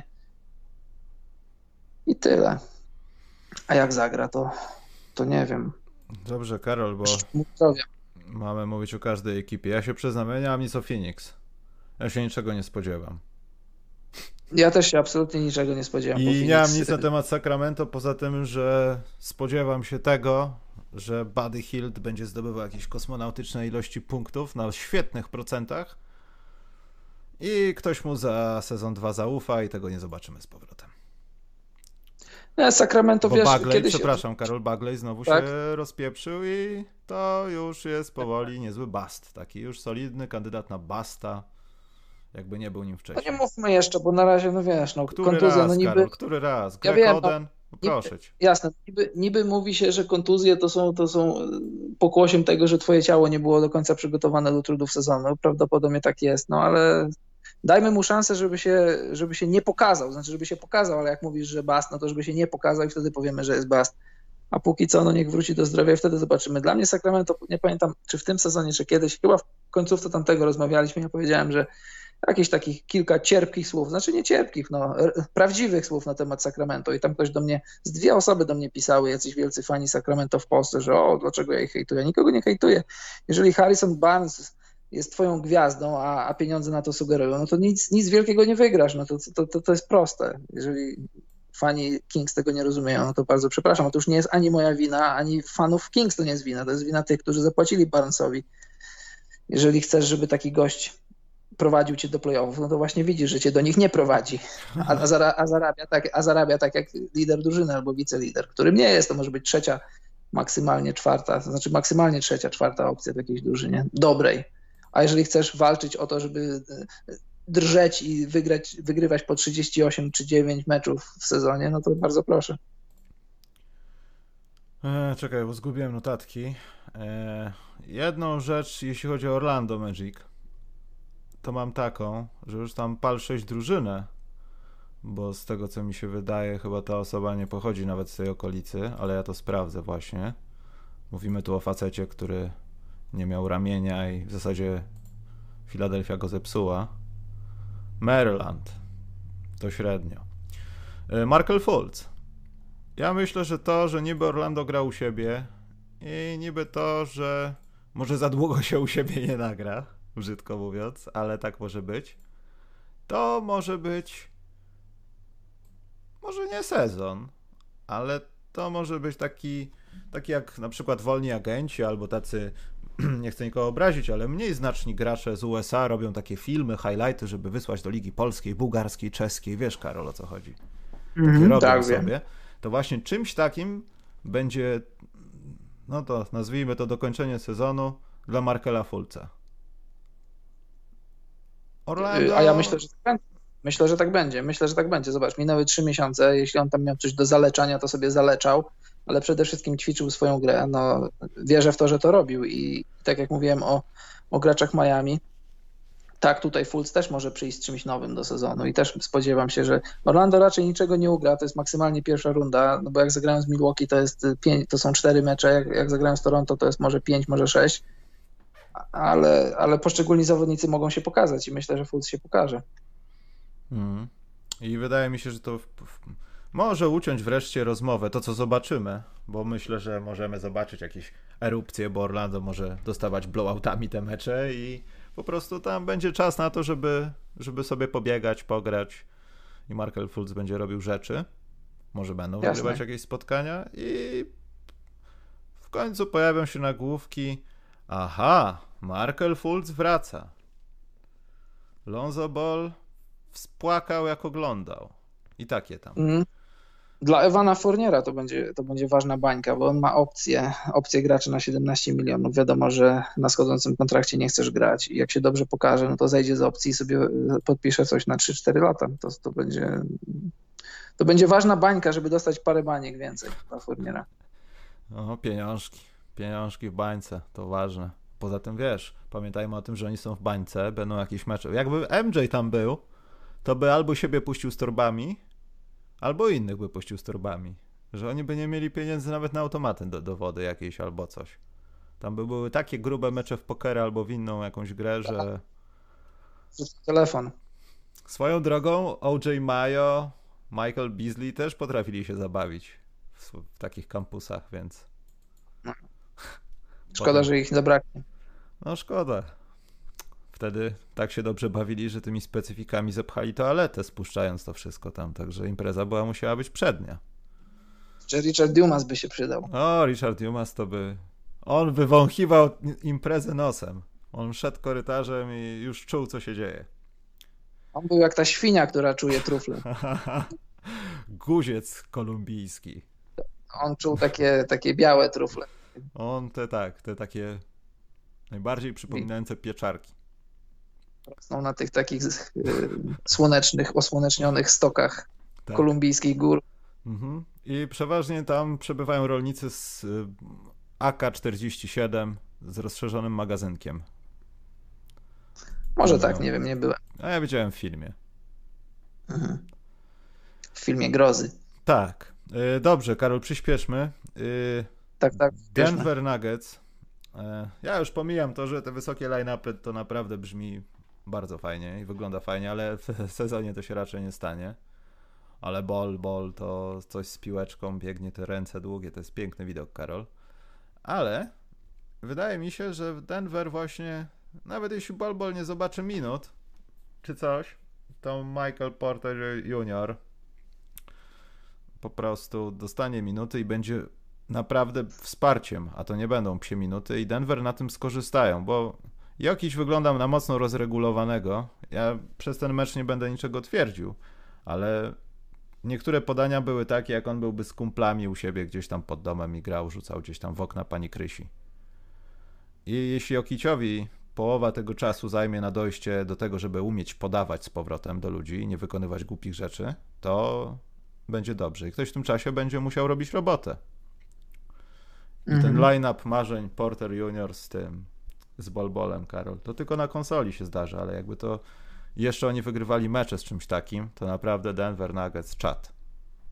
No tak, ja też, ja tak samo. Bol, bol, zdrowy bol, bol, zdrowy Porter Junior, odchudzony Jokic. E, jak to będzie wszystko wyglądało, jak będzie Mike Malone szafował tym składem, bo tam dużo rzeczy ciekawych może być. I, i wiesz, tutaj no, wszyscy wiemy, nie ma przewagi własnego parkietu, więc w zasadzie nie ma aż tak wielkiego ciśnienia, czy, czy będziesz drugi, czy trzeci. Denver obecnie są trzeci, ale będzie, jest pytanie, czy, czy jest, y, będzie jak, tak zwane pozycjonowanie się, czy bardziej Denver będzie chciało zagrać y, z Rockets, czy, czy z Mavs. No ja bym z Rockets nie chciał w pierwszej rundzie grać, więc może będą bardzo chcieli wyprzedzić Clippers, są tylko, tylko jeden mecz do nich tracą, jeden i pół, żeby ewentualnie z dwójki zagrać z Dallas. Nie wiem, trzeba by było Rafała Jucia zapytać, kogo by bardziej, z kim bardziej by chcieli właśnie, się meczować pierwszy. Właśnie, Karol, ja nie jestem pewien, czy Rafała jest o co pytać. Bo to jest no taka nie niewyjaśniona sprawa. Rafał teraz prowadzi własne szkolenia y, w Warszawie. Można się zapisywać jak coś. Ja wrzucałem na świat koszykówki kiedyś. To wygląda naprawdę dobrze. Jak ktoś ma słabą trójkę, to robi z was Hardena, podejrzewam, w tydzień. Ale Rafał jeszcze nie powiedział, czy zostaje w Denver, czy idzie za dobrą zmianą do Chicago. I to jest ciekawa rzecz, o której sobie właśnie teraz przypomniałem. No, no dobrze, no to ale pomijając to, yy, gdybym ja był Denver, a jeszcze raz, no nie wiem jakie oni są ich tam scoutingi, jakie są ich yy, odczucia, ale no, gdybym ja był Denver, to wolałbym zagrać z Dallas w pierwszej rundzie niż z Rockets. A to, to nie chodzi. jest tak, jak rozmawialiśmy jeszcze w Karol w marcu, że im właśnie nie zależy na scoutingu i nie chcą zacząć teraz kapitalizować to, co się nazbierali przez lata bycia rolnikami w drafcie z Europy? Słuchaj, to to na nie pewno. Nie tylko z no Europy? No, to na pewno, ale czy chcesz się pokazać w siedmiu meczach i odpaść, czy chcesz się nie pokazać, zagrać brzydko w pięciu czy sześciu i wygrać, to myślę, że to drugie, że chcieliby jednak kapitalizować przez wygrywanie i, i gdybym ja był Nuggets, no to chciałbym nie grać z Rockets, wolałbym zagrać z Mavs albo z Grizzlies albo z kimkolwiek. No nie chciałbym z Rockets, bo Rockets moim zdaniem będą groźni, choć może się znowu pomylę. Mhm. Poza tym też ciekawa sprawa, jak to będzie wyglądało e, z tym, że jest masa wysokich, można grać jakiś naprawdę horrendalnie konsolowski spacing. To jest rzecz, naprawdę to z bolbolem to jest szok. E, I do tego masz e, Mareja. Jak on się do tego dostosuje? Czasami może się naprawdę czuć niepotrzebny przy takiej ilości, wiesz, w jakichś małych minutach, co prawda, ale to może trochę rozregulowywać to, kim kto tam ma być. I to też jest ważne. No fajne rzeczy mogą grać. Mogą grać to te takie odwrócone pick and roll, że nie wysoki niskiemu, a niski wysokiemu stawia zasłonę. No tam się dużo ciekawych rzeczy takich od strony szkoleniowej może dziać i, no i będziemy na to patrzeć. Łukasz napisał coś o tym, który tak schód to dobrze wyglądał. Oczywiście mam na myśli jego wczorajszą grę. On dobrze wyglądał, jeśli chodzi o kondycję. Był dalej upocony, ale już się nie dusił w połowie meczu, chociaż mecz był krótszy to podania na pamięć, na pałę takie, no nie wiem, no widać było, że był zły z tego podania do Bolbola, bo widać było, że mógł wyżej rzucić i to jest takie rozregulowanko, no to jest ta rzecz, która się stała z koszykarzami przez trzy miesiące. Nie zapomnieli jak to się robi, tylko są mniej dokładniejsi. Mm, praktycznie zero rytmu takiego jak zawsze. No to są tego typu rzeczy. No, no nie można oczekiwać, że po trzech miesiącach no meczu, bo to nawet mecz, to taki nawet nie, nawet nie scrimmage, scrimmage, który pokazywała akurat telewizja, bo, bo wszyscy pragną koszykówki, że tam wszystkie podania będą, będą dochodzić, bo Jakbym nie. Ligę Letnią oglądał, naprawdę. Tylko jest więcej światełek i ekraników. Dobrze. Przejdźmy szybko do tego, kto to rozpoczął, czyli Utah Jazz.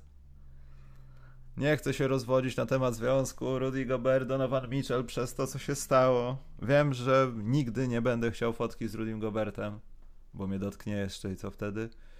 A, A ja mam dwie. Tak? Ale to jeszcze z, jak był zdrów. Tak, obie jak był zdrów. E, tutaj może nie jest masa pytań, co z tym duetem. Myślę, że bardziej pytanie opiera się, co z Michelem dalej.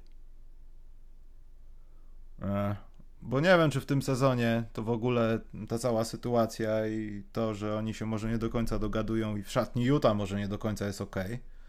Albo będzie ok, przynajmniej tak było, jak jeszcze tam rozmawiano o tym, kto wróci do gry, kiedy koszykówka wróci do gry i tak dalej. Tam Joe Ingles się chyba wypowiadał na ten temat.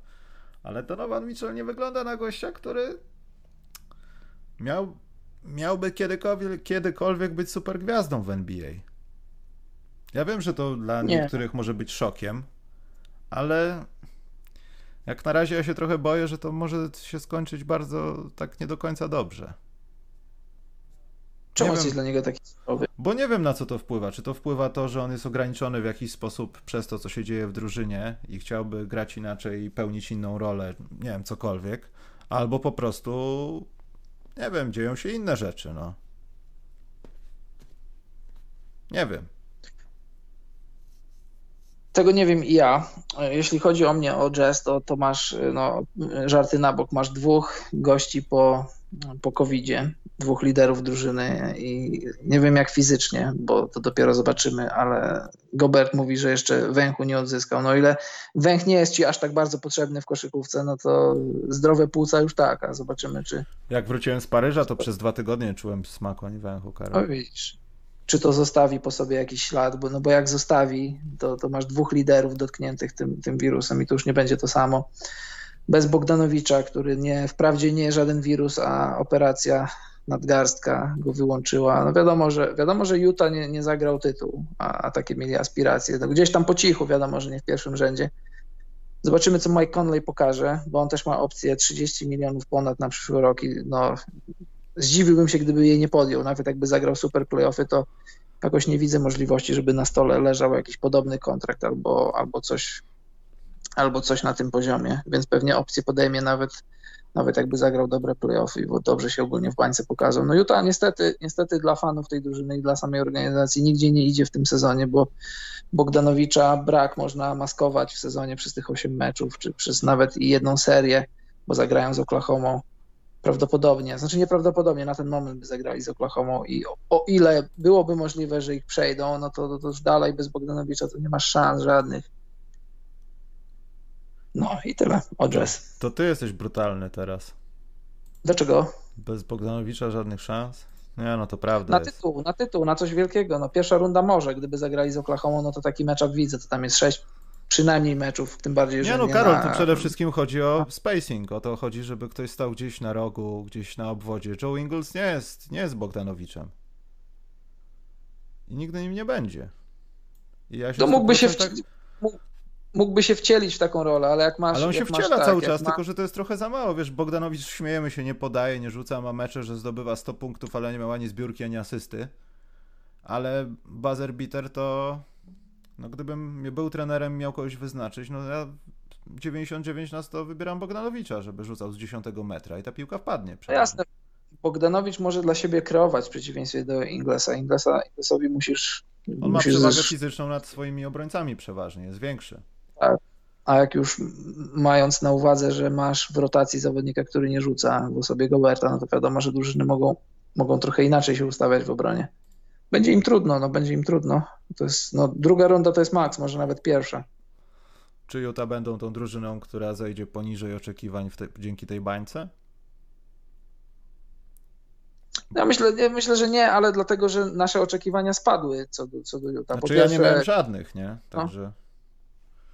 No ja miałem, jak się sezon zaczynał, to miałem oczekiwania, no nie mistrzowskie, ale przynajmniej druga runda. I później w zależności od tego, na kogo trafisz, no to być może ewentualnie dalej. Tutaj, tutaj druga runda to jest, y, to, to jest no, gdy, gdyby zagrali powiedzmy z, Oklahoma, to może. Gdyby zagrali z Dallas czy Memphis, to może. Chociaż też nie do końca. No, to, pierwsza runda to jest Druga runda to już jest taki maks przy sprzyjających okolicznościach, a, a być może wydaje mi się, że może nawet to być pierwsza runda, ale czy, no bo moje oczekiwania spadły w trakcie sezonu, spadły i spadły też już po kontuzji Bogdanowicza. To na no. pewno będą, to na pewno, na pewno tanio skóry nie sprzedadzą, na pewno, na pewno Queen Snyder będzie tam, wiesz, rysował dużo ciekawych rzeczy i oni będą grali jak to, jak to jazz w ostatnich sezonach, no ale ostatecznie zabraknie.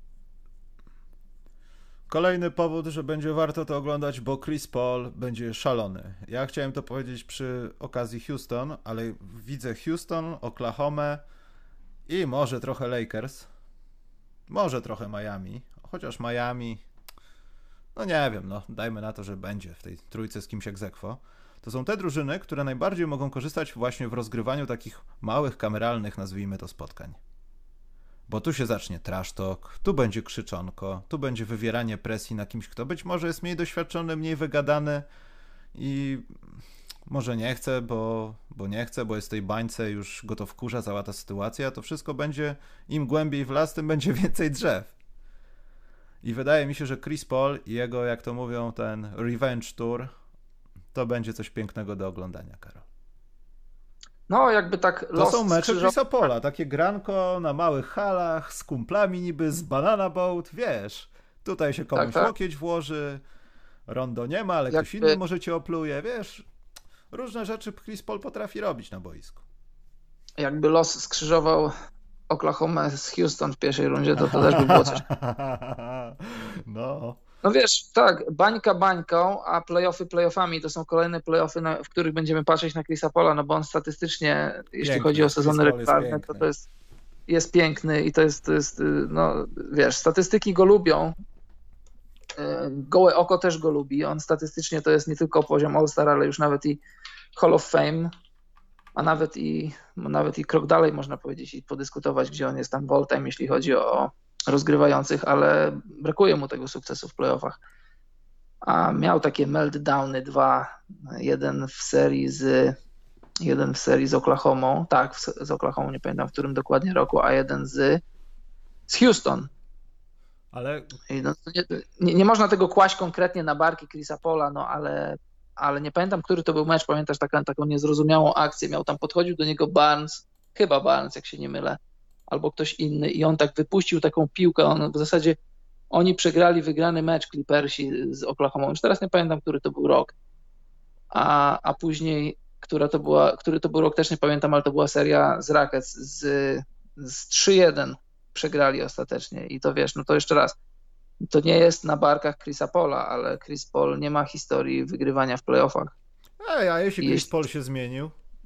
Jeśli to odejście do Oklahomy dało mu jakąś otrzeźwiałkę w tych takich minusowych strefach, gdzie wiedział, że coś spieprzył, albo powiedział za dużo, albo wiedział, że lepiej się nie odzywać, bo ta sytuacja inaczej mogłaby się potoczyć.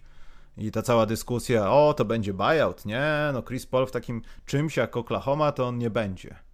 Nagle się okazuje, że jest tak bardzo będzie, że on po prostu przetacza na drugą stronę oczekiwania wobec tej drużyny. No to prawda, to jest jedna z pozytywniejszych historii tego sezonu. Wydawało się, że tak jak mówisz, albo będzie szybki transfer, albo jakieś tam wykupienie, chociaż wykupienie ciężko, bo tam jeszcze trzy lata zostały. Że chciał grać i chciał grać dobrze, że nie chciał opuszczać meczów, się tam oszczędzać i czekać na transfer, który by nie nadszedł, to to jest no, jedna z pozytywniejszych historii. I dla Chrisa Pola, i dla Oklahoma, i w ogóle dla wszystkich kibiców. I taka rata dla Andre i Gudali chyba też w Miami. To jest ten czas, kiedy może nie będziemy się śmiali, że tak brzydko się zachowywał przez te ostatnie miesiące. Bo to było brzydkie. Dobrze, Karol, Portland. Ja y, powodem, dla którego warto oglądać Portland, to ta nadzieja, że Zach Collins i Yusuf Nurkic są naprawdę w 100% ok, zwłaszcza ten drugi. I jeśli mówimy o wysokich line-upach w Denver, to naprawdę zobaczymy wysokie line-upy w Oregonie. I taki cichutki no tak, Damian Lillard będzie stukał się w zegareczek, jak w drugiej rundzie playoffów sobie zajdzie dalej. Tak, tak mówi moja kryształowa kula. Przede wszystkim zdrowie, tak jak mówisz, no bo fani Blazers twierdzą, że bilans 29-37 to jest, to jest głównie pokłosie kontuzji. Nie do końca jest to prawda, ale w dużej części jest to prawda. I teraz Blazers są zdrowi i Blazers będą chcieli zaatakować Memphis, y, sprowadzić sezon do tego, że zagrają ten taki mini mecz o, o wejście do playoffów. Czy im się uda, to zobaczymy. No, Damian Lillard, jeden z moich ulubionych zawodników obecnej NBA, super mi się go ogląda. McColluma też bardzo lubię. Mówią odchudzony Melo, ja tam żadnego odchudzenia nie widzę. Ja widzę. No nie, nie widać Stało tego. się z nim to samo, co się z Lebronkiem stało kilka lat temu. Że Słuchaj, był taki niegruby, tak. ale teraz jest taki jak gdyby trochę taki, taki smuklejszy bardziej. Mięśnie widać jakieś. A, może minimalnie, ale mniejsza z tym. Melo też, Melo też ma, nie, nie, ja nie, właśnie nie, ja bardzo trzymam kciuki za Melo, za ten sezon i w ogóle za, za ewentualnie, no, zdziwię się, jeśli nie podpiszę nigdzie kontraktu po tym sezonie, czy w Portland, czy gdzieś indziej, ale Melo, Melo też grał swoją reputację. Nie wiem, czy widziałeś, pewnie widziałeś taki, taki filmik z jakiegoś tam treningu Blazers, jak, jak Melo brał na plecy ludzi i na wszystkim, nad wszystkimi punktował. To trzeba zawsze, przy każdej okazji mówię, że Melo to jest, to jest dzik i mało nie, nie wszyscy zdają sobie z tego sprawę, jak silny, jak dobry tyłem do kosza jest Melo. ISO. Całe życie tak, ISO to ISO. zrobiło z niego. ISO Melo. Hmm. Dobrze, szybki przeskok do Nowego Orleanu. W Nowym Orleanie wiadomo, co mnie interesuje. No wiadomo, Zion i JJ Redick. E, tak, zdecydowanie. No i ta obietnica, że jeśli Nowy, Nowy Orlean nie wejdzie do playoffów, JJ Redick się zbulwersuje. No tak. Natomiast y, to, jak będzie wykorzystywany Zion jest też ciekawe. Też chciałbym to obejrzeć. Czy będzie decyzja, że trochę to utopimy, poczekamy na przysz przyszły sezon, czy będziemy kontynuować tą tendencję, wiesz, tam plus, nie pamiętam ile, 20 minut, kiedy Zion był samotnym centro skrzydłowym. Ciężko mi to nazwać, ale to była chyba piątka i oni go po prostu jakoś mocno wypychali tam, a reszta była zawodników, którzy niekoniecznie chcieliby pod koszem być.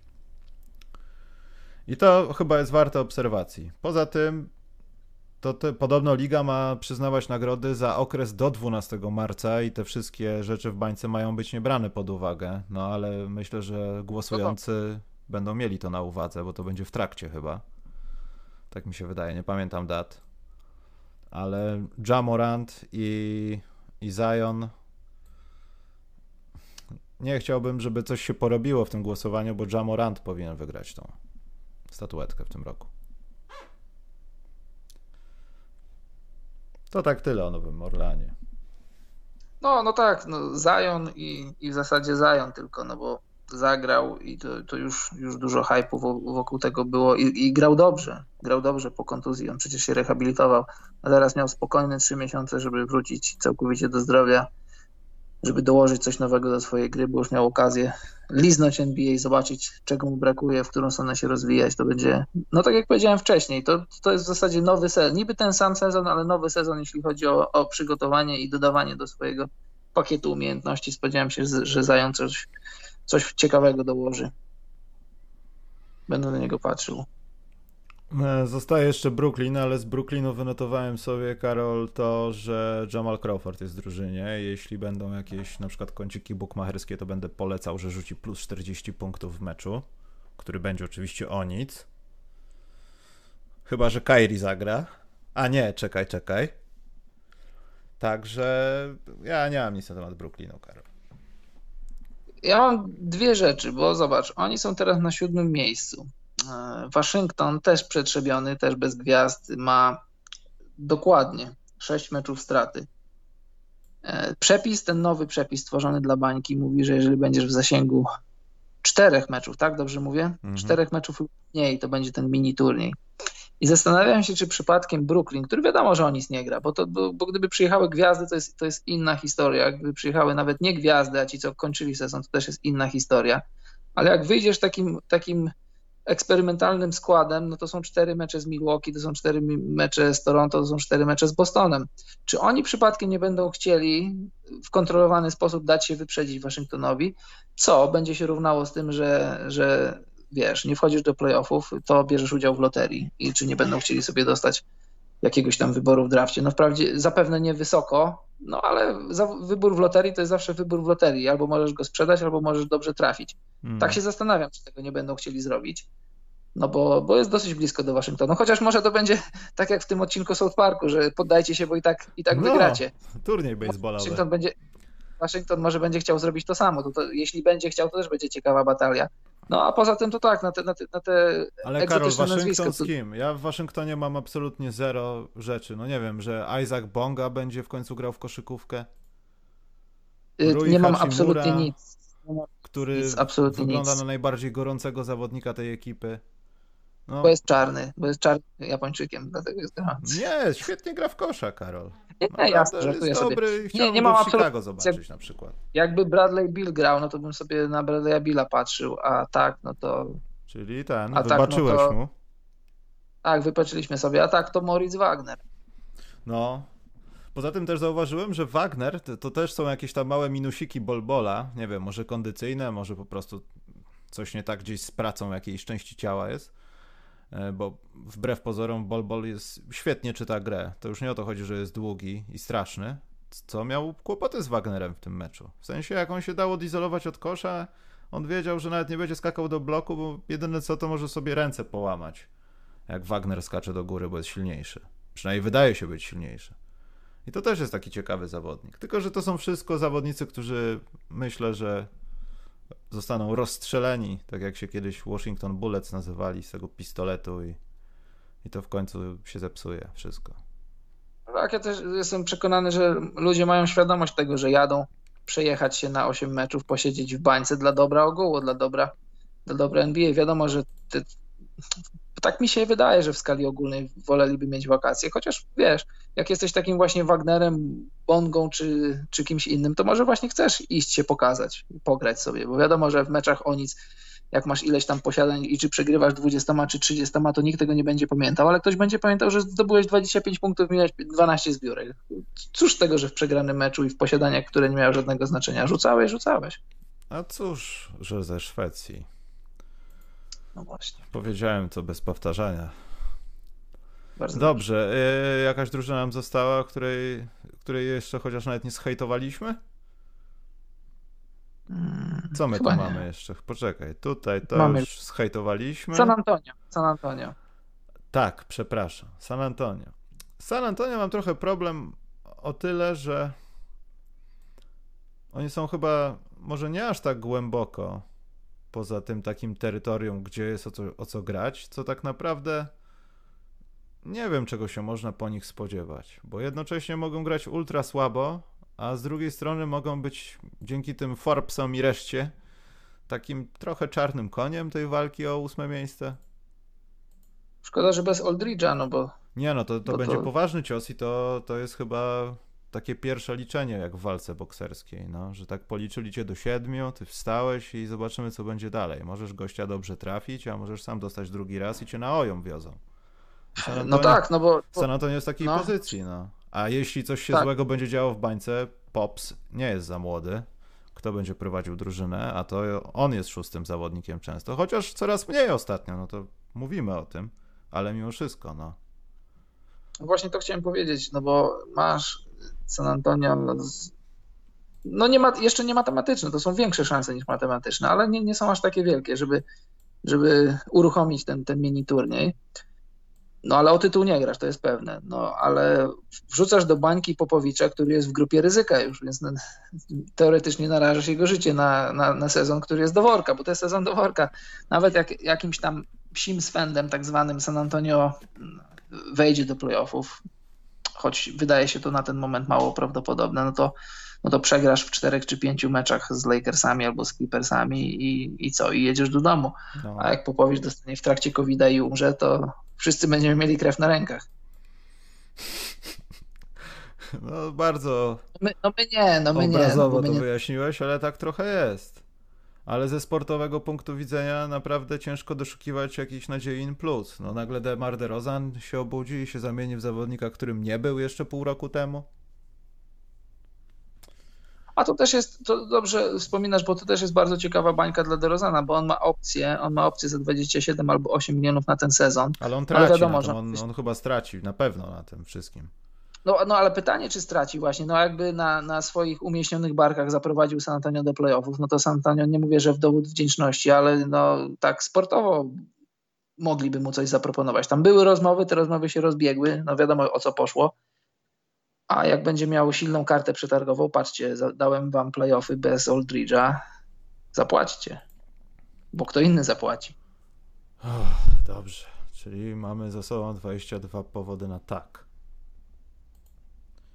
Tak, nawet więcej. Nawet więcej. Yy...